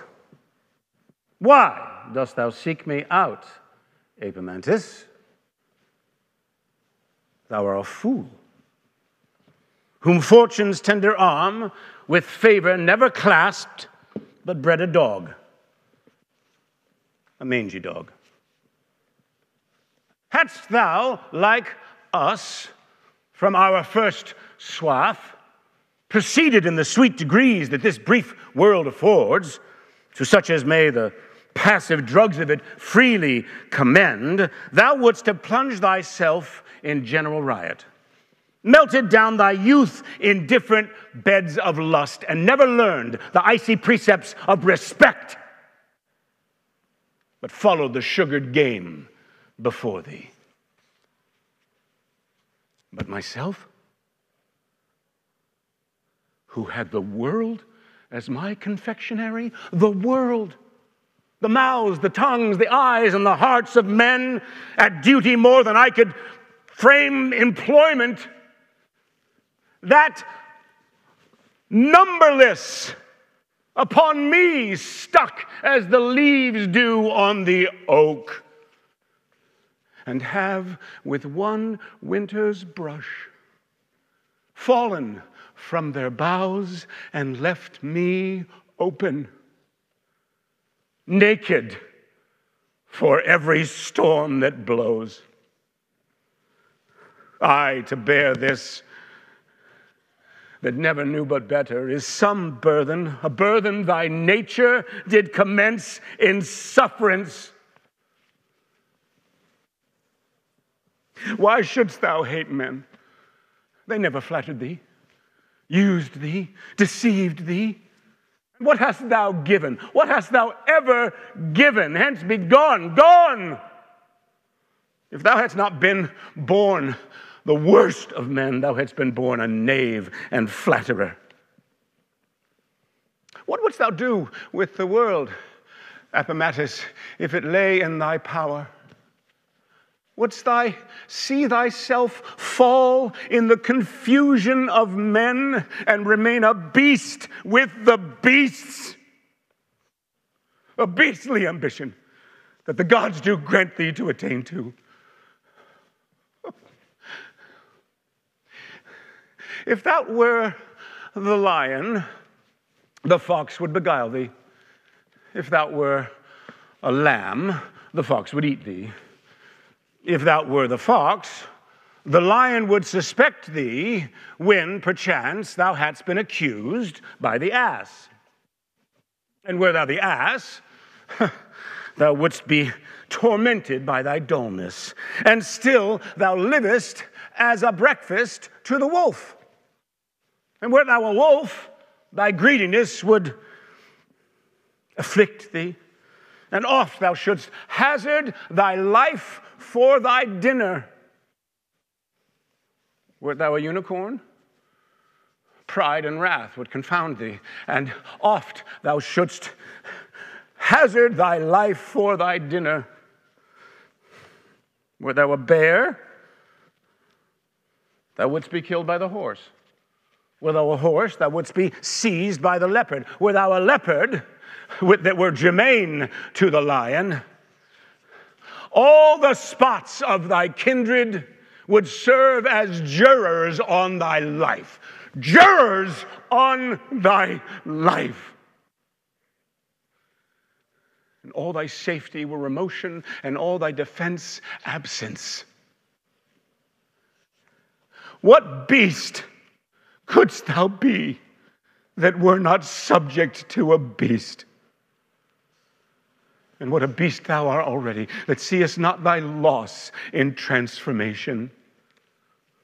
Away, thou issue of a mangy dog, away, thou tedious fool, beast, toad, rogue, rogue, rogue.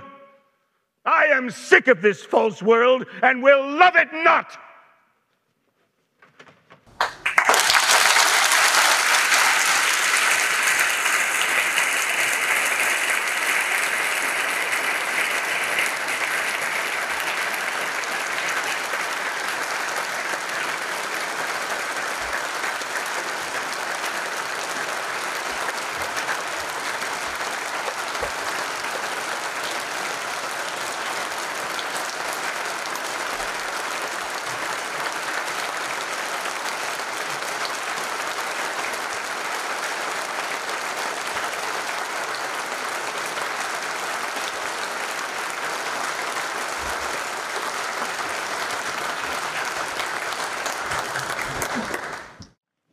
Spoke a lot about the, uh, the transcendentals,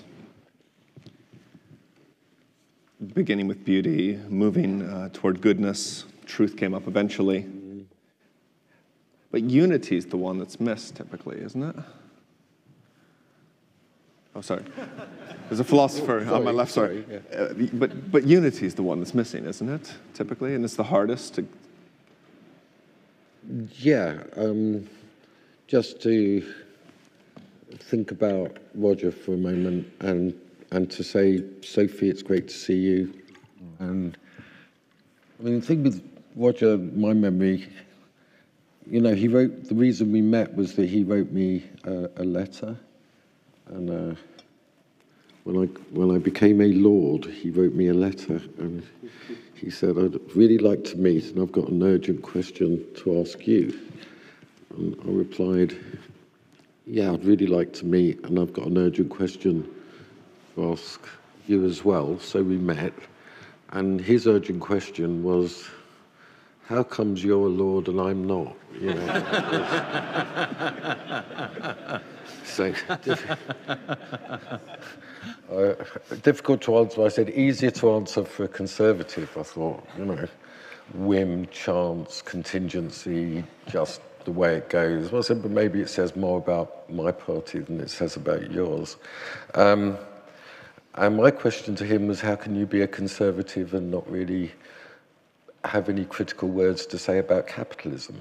You know, this is what I don't understand. And that was how the, and the reason this answers your question is that maybe Douglas, I'd like to hear what you think, but there was a gentleness to him, a real gentleness, and a real openness to talk to anybody. I mean, in that sense, the analogy with Socrates is absolutely pertinent.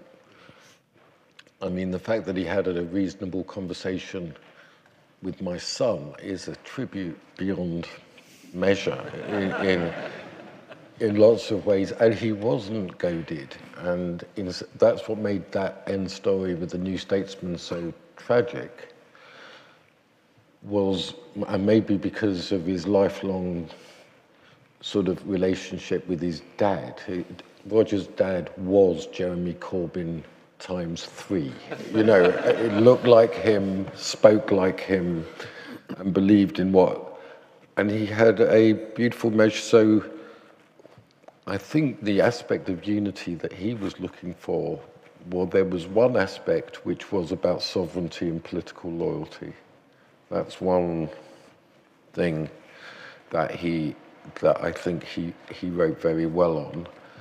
But the other one was was a, was the possibility of a civic discourse or a civil discourse uh, with people who disagreed with you. That that was the essence of this polity, this this this England that he that he had was that he wasn't looking for a uniformity of view. He wasn't looking for homogeneity. I mean, in that sense, Douglas, he was perfectly inappropriate for his time.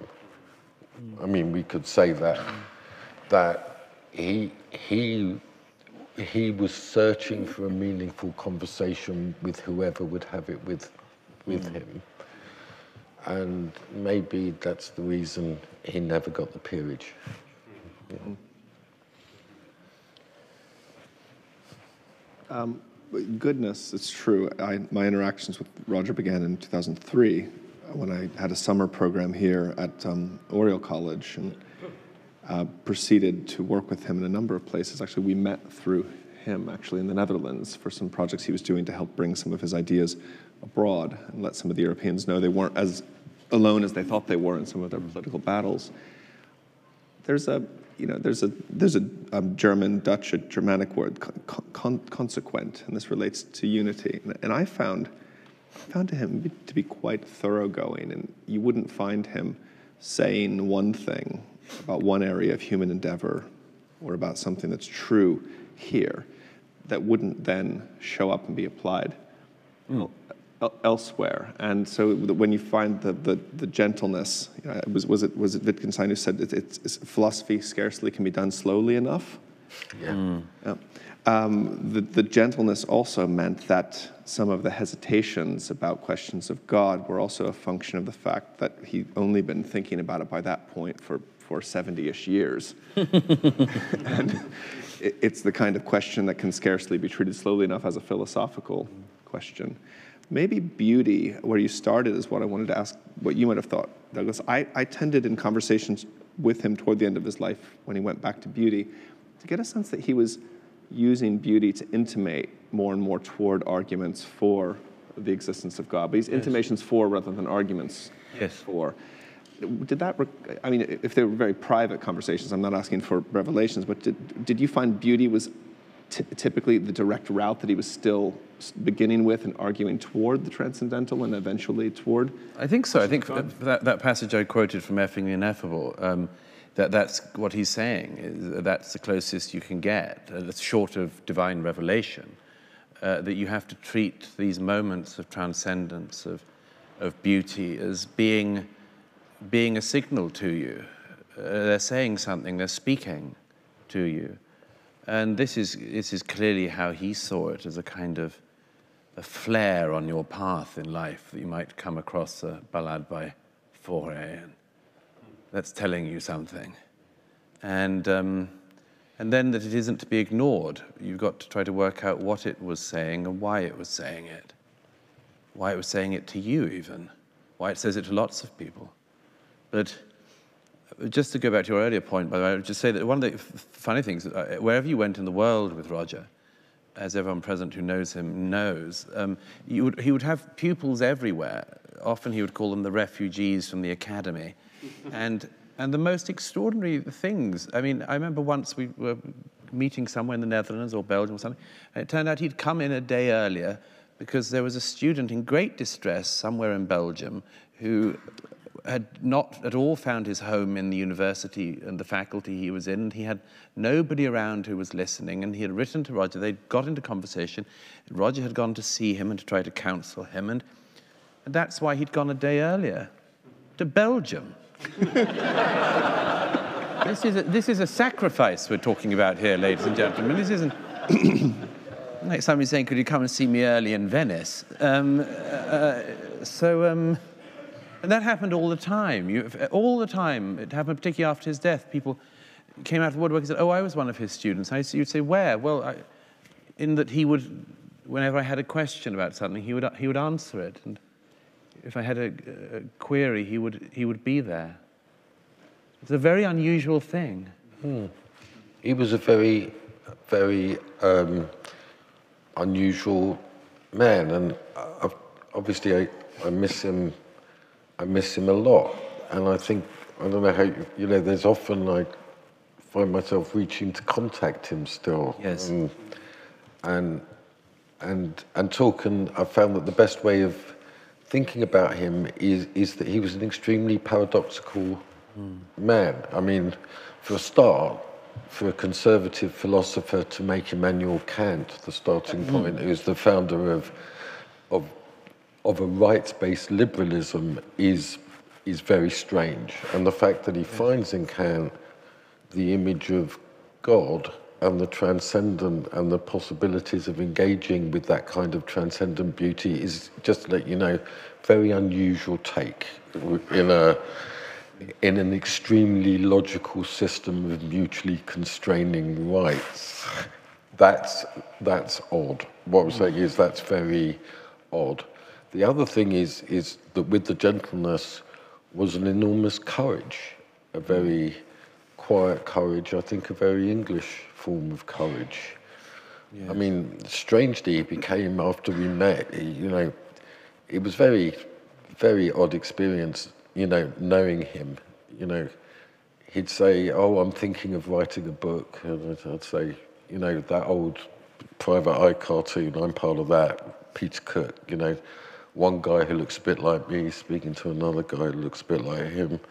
And he says, I'm writing a book. And the other guy says, neither am I. You know, that, that's, that's how I live my life. You know, I, you know, he said, I'm writing a book. I said, oh, yeah, so am I. And then six months later, I'd see him and he'd finished it. Mm.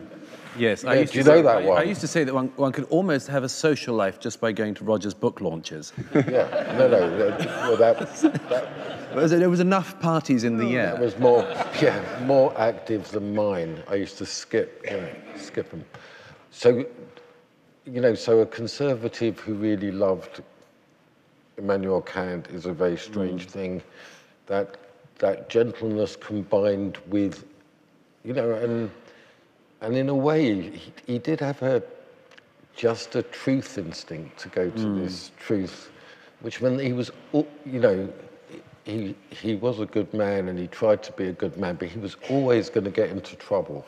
I mean, always, because he couldn't help but mm. say that truthful thing that would disturb the, the fake homogeneity yes. of, of thought. Well, that's the difference between philosophy and politics, isn't it? Yes. The so politician has to stop just before being able to say the un unutterable truth, and the philosopher must say it. Exactly. And so, in, in that sense, I was disgusted and appalled, but not surprised by the fact that when he finally got a political position, mm. it would be taken from him. It seemed, it seemed to fit that distinction. By the way, I may make just one observation on that as well. One of the interesting things throughout his life was that uh, even before the last perhaps 10 years when he was most well known, uh, wherever I went abroad, in America, across the continent, almost anywhere, whenever I complained about the situation in my own country, whoever I was speaking to, if they were a conservative, would say, but you have Roger Scruton.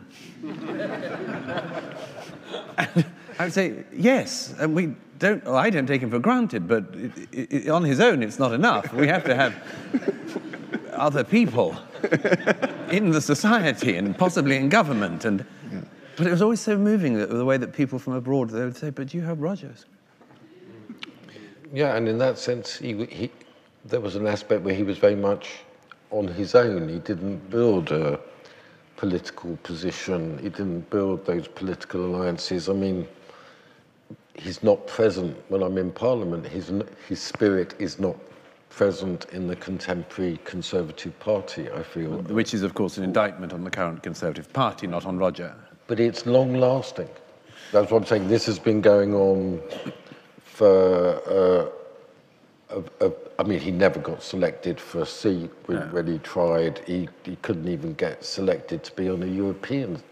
Although, do you, do you know that story of um, uh, Sophie? Remember, I remember Roger once recounting the story that he was, I think it's in one of the books, possibly News from Somewhere, where he's canvassing loyally for the Conservative Party in the 2000s for some local election, and he's, he's, he's um, some council estate, I seem to remember, that there was a sort of door-to-door and, you know, leafleting and, and, and it's a rather benighted estate, you know, post-war estate, and he, uh, he, said, he said he knocks on the, this particular door and says, you know, I wonder, madam, if you could, I can interest you in voting for the Conservative cause on Thursday week. And the woman says, what is conservatism anyway?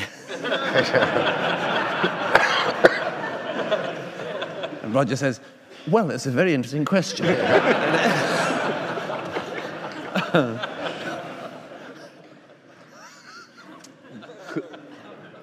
Could I, could I push us back to some of the meat of your talk, especially on aesthetics? You tacked in that direction. We it's been spoken about as shorts of revelation, as transcendental. As transcendental, I want to appeal to Arnold very quickly, and then uh, Arnold on freedom. Uh, you know, it's a good horse to ride, but it needs to be ridden somewhere. Uh, and beauty would seem to admit of the same sort of analysis. On the other hand, we speak of beauty, and Roger would often speak of it. Some of us were present for one of these meetings in, in Belgium, where we spoke about the, uh, the, the set of poems by Rilke that you, you, you appealed to. And he, uh, he would speak of it at times as an end in itself. But of course, transcendentals aren't, strictly speaking, ends in themselves. They're to be written somewhere. Do you have a do you have a sense where, if, if this question were posed to Roger, or of the body of work that falls under Scruton? And part of what I want to ask eventually is, the memorial lectures are Sir Roger Scruton memorial lectures, but if his thought is going to per- persist, it will persist not as Roger but as Scruton. Oh, yeah. And so asking which bits of it we should really ask persons in this room and ask others to focus on making part of the corpus, I think is a question I'd like to have answered before we're done. But this question of where to ride beauty to, or if that's the wrong question perhaps, but Well, you know, I would, first of all, in, certainly in my conversation, let alone the reading, there's something about music. There's something about music through which you can apprehend the sublime um, more than any other form of, of, of the arts. I mean, it used to, and, th- and then the glimpses of the face of God um, was from home. I mean, it was the oikophilia. That was maybe his most important philosophical move, was to restore the necessity of, a, of the enchantment of the mundane. Yes. The, that's another paradox, I guess, that it was most sublime when it was most intimate and, and home-like, although I'm aware, Sophie, that used to come down to London a lot and not quite linger as long as he may have in his home. Um, you know, these were all parts of the paradox of, of him, but that oikophilia and that home and fi- I mean, it's when he used to say to me a lot, you know, he says, "You're, you're lucky." He said, uh, "You're Jewish. Imagine trying to find it when you're Anglican." He used to say to me, um, and and it. And, and try to find it, he did. And he tried to find it in the choral music. He tried to find it in, in, in sort of frag- moments and fragments of the divine in the village. Um, but I would say that those two things, home the idea of home, and then music. Hmm. And, and it wasn't simply, I mean, he was kind of really brilliant with the American Songbook, Yes. with Gershwin, with Rodgers, and with that form. Um, I thought he played it beautifully um, and was yearning for that. He Yes. saw that in that, so that it wasn't simply the very high. There was a popular Yes. glimpse of it in, in that form between, let's say, 1930 and 1956, roughly, just to give it the, the period of time where it became disenchanted then and not beautiful. You know, the difference between maybe somewhere over a rainbow and Eleanor Rigby, if you can understand the difference between those two, you'd go a long way to see Roger's sense of the sublime. Yeah. Um, by the way, that, that, your description of how he sort of uh, was at odds with the Conservative Party of course, is interesting looking back because it was one of those misunderstandings that some people had because, of course, the meaning of conservatism came out in 1980, just after Margaret Thatcher comes into office. And some of you will know that quite often books get attributed uh, a weight they don't actually expect or, or expect to carry and are, and are given a meaning that they, was, was, was not meant by the author. And um, I think that's the case with the meaning of conservatism. It isn't by any means a primer for the Thatcher government. In fact, as you know, Morris, I mean, it's, it's, it's significantly at odds with a lot of the things that Thatcher does, and therein lies this difficulty in the 1980s and 90s that Roger has, which is that Thatcherism, of course, does all sorts of things that are, are beneficial to the country, and yet it disturbs um, an aspect of that issue of home. It really, d- it really did. And, and therein lies one of Roger's tensions. the, the, deeper, deeper, deeper, let's go, is that, is that capitalism itself, I mean, I'm just sharing with everybody what we spoke about more than any other thing, tries to turn the most sublime, which is the creation, the world, uh, human beings and then and nature, that you know, at the moment we're in the cycle just beginning. In the beginning, God created the heaven and the earth, you know, those. And to turn that into a price system where everything is for sale is a Commodification, Is a, is then. commodification is the. he was clearest on this was in in sexual desire and places like that. The things that he wanted to withhold wholly from the market. Yeah, so that be, that's where he had to engage with the sacred. What was it that was not for sale? What was it that could not be pursued um, in that way? And, and I think that he was in the most sublime phrase in those later years when he was really engaging um, with that, certainly. So that's where I would say that combination of conservatism and socialism is not entirely alien to this space. By the way, I'd say one other thing on music, if I may, which is that um, apart from, is it- Goethe who says that music speaks of- itself? I can't remember, I'm getting bad misquote. But um, uh, the interesting thing about music, of course, is that it, it, it, it, it is, you're able to locate home in music by its very nature, in that the, the, the, the chord, the scale will go to its natural place. Um, the, the, the chord will reach its resolution. Music comes home in a way that almost no other art form does. So that even if it takes four hours or five hours in a Wagner opera, by the end of something like Meistersinger, you finally get the conclusion, or after the end of the whole of the ring cycle, Siegfried's Funeral March finally gives you the culmination of something you heard 16 hours earlier at the beginning of Rheingold. And the point, but the point is, is that it is, it is the returning home of the theme and the final completion of it. To the root. To the root. Actually, yeah. And it's very hard to think of another art form where that is, is so demanded. Yeah. It's demanded. It's demanded. It's demanded of the form. Yeah, I- so I think that's really, you know, if you want to talk about where it goes now in terms of Scrutonism, that combination of home music and the sublime is probably not a bad way of organising the uh, the lectures. The, the question the question you asked about can a society toward the end can a society survive when it has such disregard when it disregards someone of such great talent on the basis of hearsay. Um, this is an ugly thing. Yeah. right? Oh, yeah. Something I hope about I it. gave that impression. First, no, no, no. I mean, your your description of it was much less ugly than the thing itself, uh, but it's an ugly it's an ugly thing, and uh, the aesthetics of, of the morality that invol- involves revulsion at something that we should be revolted by, and moves from there to understand a judgment as asking me to to, to change. Is an excellent starting point, but if you are in a society that becomes, I think you described it early on, you spoke, you spoke of that we're in a society that's quite, quite shallow. I wonder whether the lesson can, can be learned. I worry that the lesson won't be learned.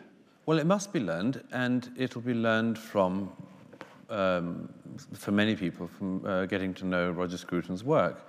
Because the thing that made him stand out, I think, among his generation of philosophers and conservatives was precisely that so many others found much of what he wrote about so unusual.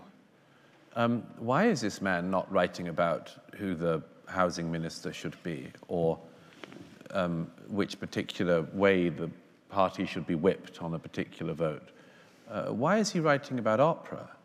Why is he writing about architecture and particular types of columns rather than just churning out newspaper columns? This was, this was a mysterious project to many people on, on the right and also on the left. And, and I would say that the reason why Roger's legacy uh, um, will live on for such a long time and is so needed now, and, and his name is alive now even more than perhaps than when he was alive, is because he offers that vision after you've seen through the era.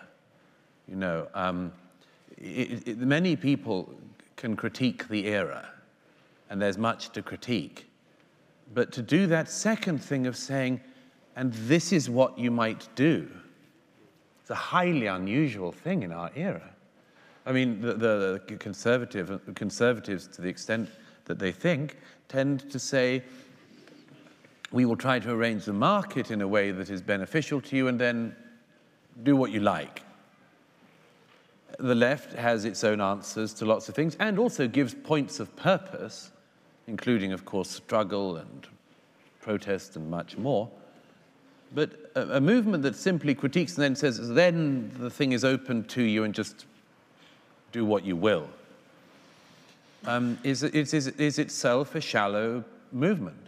Mm. And that's where Roger's thought and his legacy and his opus of books comes in. And like Morris, sometimes when I think, I wonder what Roger would have thought, I, I have the great good fortune that we all have of being able to reach out and pluck him off my shelf.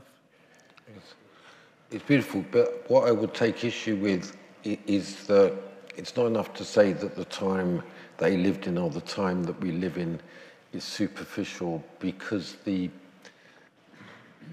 the rage, the passion runs deep. It's a very superficial. It's a superficial politics. passion, though.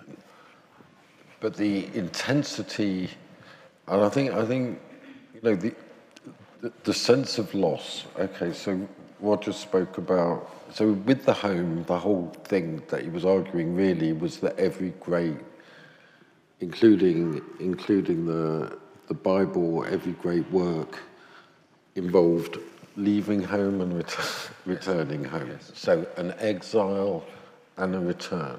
So that was um, fundamental, and it involved dealing with loss, estrangement, mm. isolation, what all the things that that Kevin was was expressing are part of that. In every lifetime, there is an abandonment.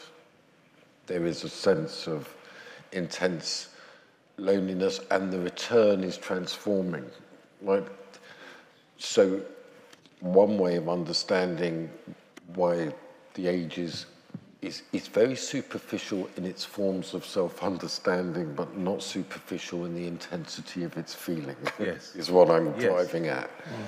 And Roger gives us some space to understand so you can talk to people who have no conception whatsoever of God and yet who think that the environment is sacred. And, yes. And if you say to them, well, why do you think it's sacred? Shut up! You know, it is, all right? Or my commitment to the equality of all human beings.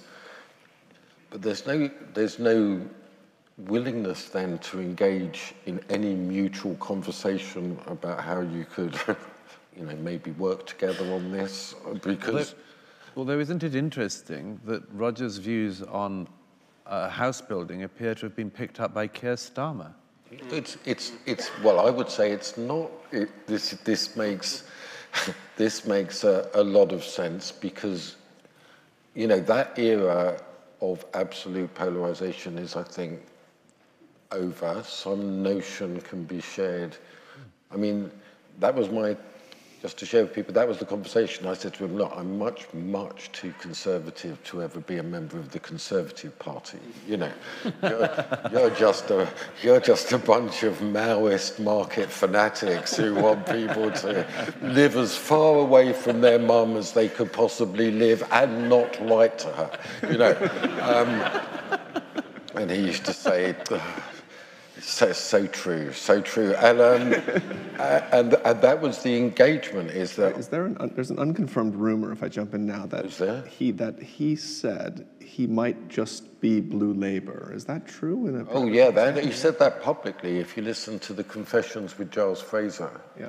when he was asked at the end what his politics were, he said, well, I, I identify with Blue Labour. Now, part of that is because within the Blue Labour group, we gave Roger a home. That's what made the tragedy with the New Statesman even more intense because there was a whole, we had a series of seminars with Jon Cruddas in, uh, hmm. in Parliament about conservatism and Labour. I mean, Roger was, he's a really scary guy, you know. You'd say, okay, let's have a discussion next week. You know, we'll talk about Orwell and that form of English socialism related to Orwell. And Roger came in with his collected works and say, yes. you know, apologies, I'm only halfway through. And, no, I can, I can cap that by yeah. the, discussion once at our late friend Shusha Guppy's where uh, a, a, group of people, somebody asked Roger in the mid-2000s if he was going to do a new edition of his book, The West and the Rest, which came out after 9-11. Mm. And I remember Roger saying, um, I just don't think I can. My Farsi's not up to it anymore. and it was completely seriously said, and everybody else in the room looked like they just wanted to give up. no, that's, well, that, that, that's worth picking up on because, you know, all those things he was accused of, of Islamophobia. I mean, his intense and deep knowledge of, of Islamic scripture yes. was, was really something to behold. But to go to, you know, to this point, and the reason why Roger's thought will be absolutely, I think, foundational moving forward is, is because what Labour has to confront in a very fundamental level is its, its utter estrangement from its home, which was working class people, on the whole Christian, building a home in the world against the dispossession of capitalism, which basically enclosed them and kicked them and condemn them to a pauper's death. Now, this was something Roger could speak to really profoundly, was a restoration of home and of mutual concern. So, yeah, I, that's not an unconfirmed rumor. It's We've used the word home a lot. We use the word home a lot, but also or, ordinary, ordinary life. And I, when I looked at some of your Blue Labour, um, the agenda of Blue Labour, it seems to me some of what's being described in terms of the uh, the church, the trade union, the local, the, the small enterprise, the family, and whatnot. It's kind of what I would call uh, life as of yesterday or or a few days a few days ago. And is that is that conservatism within labor? Well, that is the whole thing. That's that's you know. Um, I don't this I don't want this to become one of those terrible events which becomes left wing. You know that that that would. Oh, don't worry. That, that wouldn't. that that wouldn't be true. I'll stop to that. Roger. One. Yeah, yeah, that wouldn't be true to that. Um, but you know, the whole of the co-op movement, the fu- you know, the funeral was an alternative to a pauper's grave. The housing was an alternative to slums, and it was all based on, you know, that was the whole movement until the bloody Fabians came along. Um, mucked it all up. And, and so, you know, that's a, that's a long story, but for our Fabians, you get your Institute of Economic Affairs that thinks that human beings are just rational economic actors and give them the right sticks and carrots. I mean, what a way to talk to people like they're donkeys. Um, you know, they'll act in the right way. So what I'm saying is this, okay, to go to the point, the actual profound point you're making, human beings are social beings in need of relationship and institutions that enable them to flourish. That, I think, is maybe an aspect of the eternal truth that Roger was driving at. defense of the person defense of the person within encumbered communities and and and with a limited maybe one of the differences between uh, Scrutonian philosophy and the current philosophy of excess is there were very clear limits that he allowed to be set by nature, by culture, by relations, by a talent, by incidentals and accidentals of existence, which um, could be understood as providence or as just incidentals or accidents. But in the in the three-ish minutes um, that we have remaining, I wanted to ask the question about um, uh, Roger's legacy as Scruton. That is the deposit of writings and the thought that we hope will persist. Uh, Douglas, if you were if you were to preserve three or four of these texts as absolutely essential, without which he'd be lost to the ages. What, what that might they be? And they would be a, a short reading list for some of the persons in here who aren't familiar with. Gosh, that's it's so difficult. Whenever I'm asked to recommend one book of Rogers, I always recommend uh, um, his um, book on fox hunting. Yeah. Which I, I've discovered as a result, I've massively driven up the price of. And I wish I had a box of on hunting. Yeah. I know copy I know someone somewhere who in does. my. I know someone who does. Have you got a dealer for those? I've got. I, I desperately wish that I could find it. It would be like a, a, a discovering gold bars in my, in my. I think they're 500 pounds a copy now. Um, it's extremely hard to get hold of, but it's a wonderful book and so delicately done. Uh, talks about meeting his wife, talks about falling in love, talks about falling in love with hunting, talks about Heidegger, um, what he learns from riding a horse and how it makes sense of Heidegger, um, and has all of the quirks and, and, and thoughtfulness and interest and, and love that, that I think is him at his best. Um, so hard to select from the other books. I, um, I mean, modern philosophy is wonderful to help you find your way through the swamp. Um, and so that's a useful primer for a student. But I think there's, I think I would, I would, I would go for some of the more positive books. Uh, his book on the aesthetics of music is going to remain important for a long time. Um, uh, and his memoirs. I mean, I'm I'm a great lover of people's memoirs in general. And Gentle Regrets is one of the most beautiful. That's where I point people first, typically. Yeah, I would, I would go with that. I'd say definitely. I mean, also, it's great to see you, Jessica. There's a beautiful section in the fox hunting book about sitting with you at a certain moment of his life, which I think was quite close to the end times, you know, where he felt utterly abandoned, apart from by you at that time. And that is beautifully done. Um, I would say the book on Kant, the early book yes. on Kant, it's, it's got not to be commended. It's short. He wrote it in a burst, didn't he? He wrote it in about a month. He wrote it in a Hegelian burst, another paradox. Yeah. Um, that book on Kant is beautiful. Then I would say one I pushed people towards is How to Be a Conservative, um, because really it could be rephrased of, you know, how to be a reasonably civic human being in a hostile environment, which I think we could all, we could all do. I mean, I think it's very good like that. It, You know, just to, oh. It's a civilizing book. Yeah, I think I think um, that that yeah. So I think that I- I'd go with Kant, fox hunting, how to be a conservative. If you want to, you know, if you want to make a top three Amazon reading list, I'd Buy shares in all of them. I'll go that way. Um, before we give um, Douglas Murray and um, Morris uh, um, our, our praise uh, for having given us this hour and a half of their time, and also uh, Mr. Spacey, I don't know if he's still, he's still with us, um, for, for, for his performance, I wanted to say that on, on Wednesday of this week, there's the second of the Scruton Lectures, and that's with, um, with Alexander Stoddart, who is perhaps, he, perhaps one of no one has met him and forgotten having done so. That's maybe the best way to say it. And he's, he does a knockdown, drag out I think you were going to say about no one has met no him. one has met him. And, And, then leave no, it no one Yeah, yeah, has mean, met that is him. interesting. But we're hoping Live he shows tell up. about it, but he's, he'll, he'll be here. It should be an excellent event, and he's a wonderful sculptor. And he did a bust of Roger with, uh, with the Roman U in it, in Scruton, for what the Hall of the Hall of Living Philosophers, etc. But uh, uh, it didn't end up there, but there are some floating about, and he does things on the heroic scale, right? The, the heroic scale. So come out and hear him speak Wednesday, same time, same place. Tickets are free, but you need to be ticketed through Eventbrite. That having been said, uh, thank you so much for your time and for sharing your, your memories. I wanted to thank you. So thank you.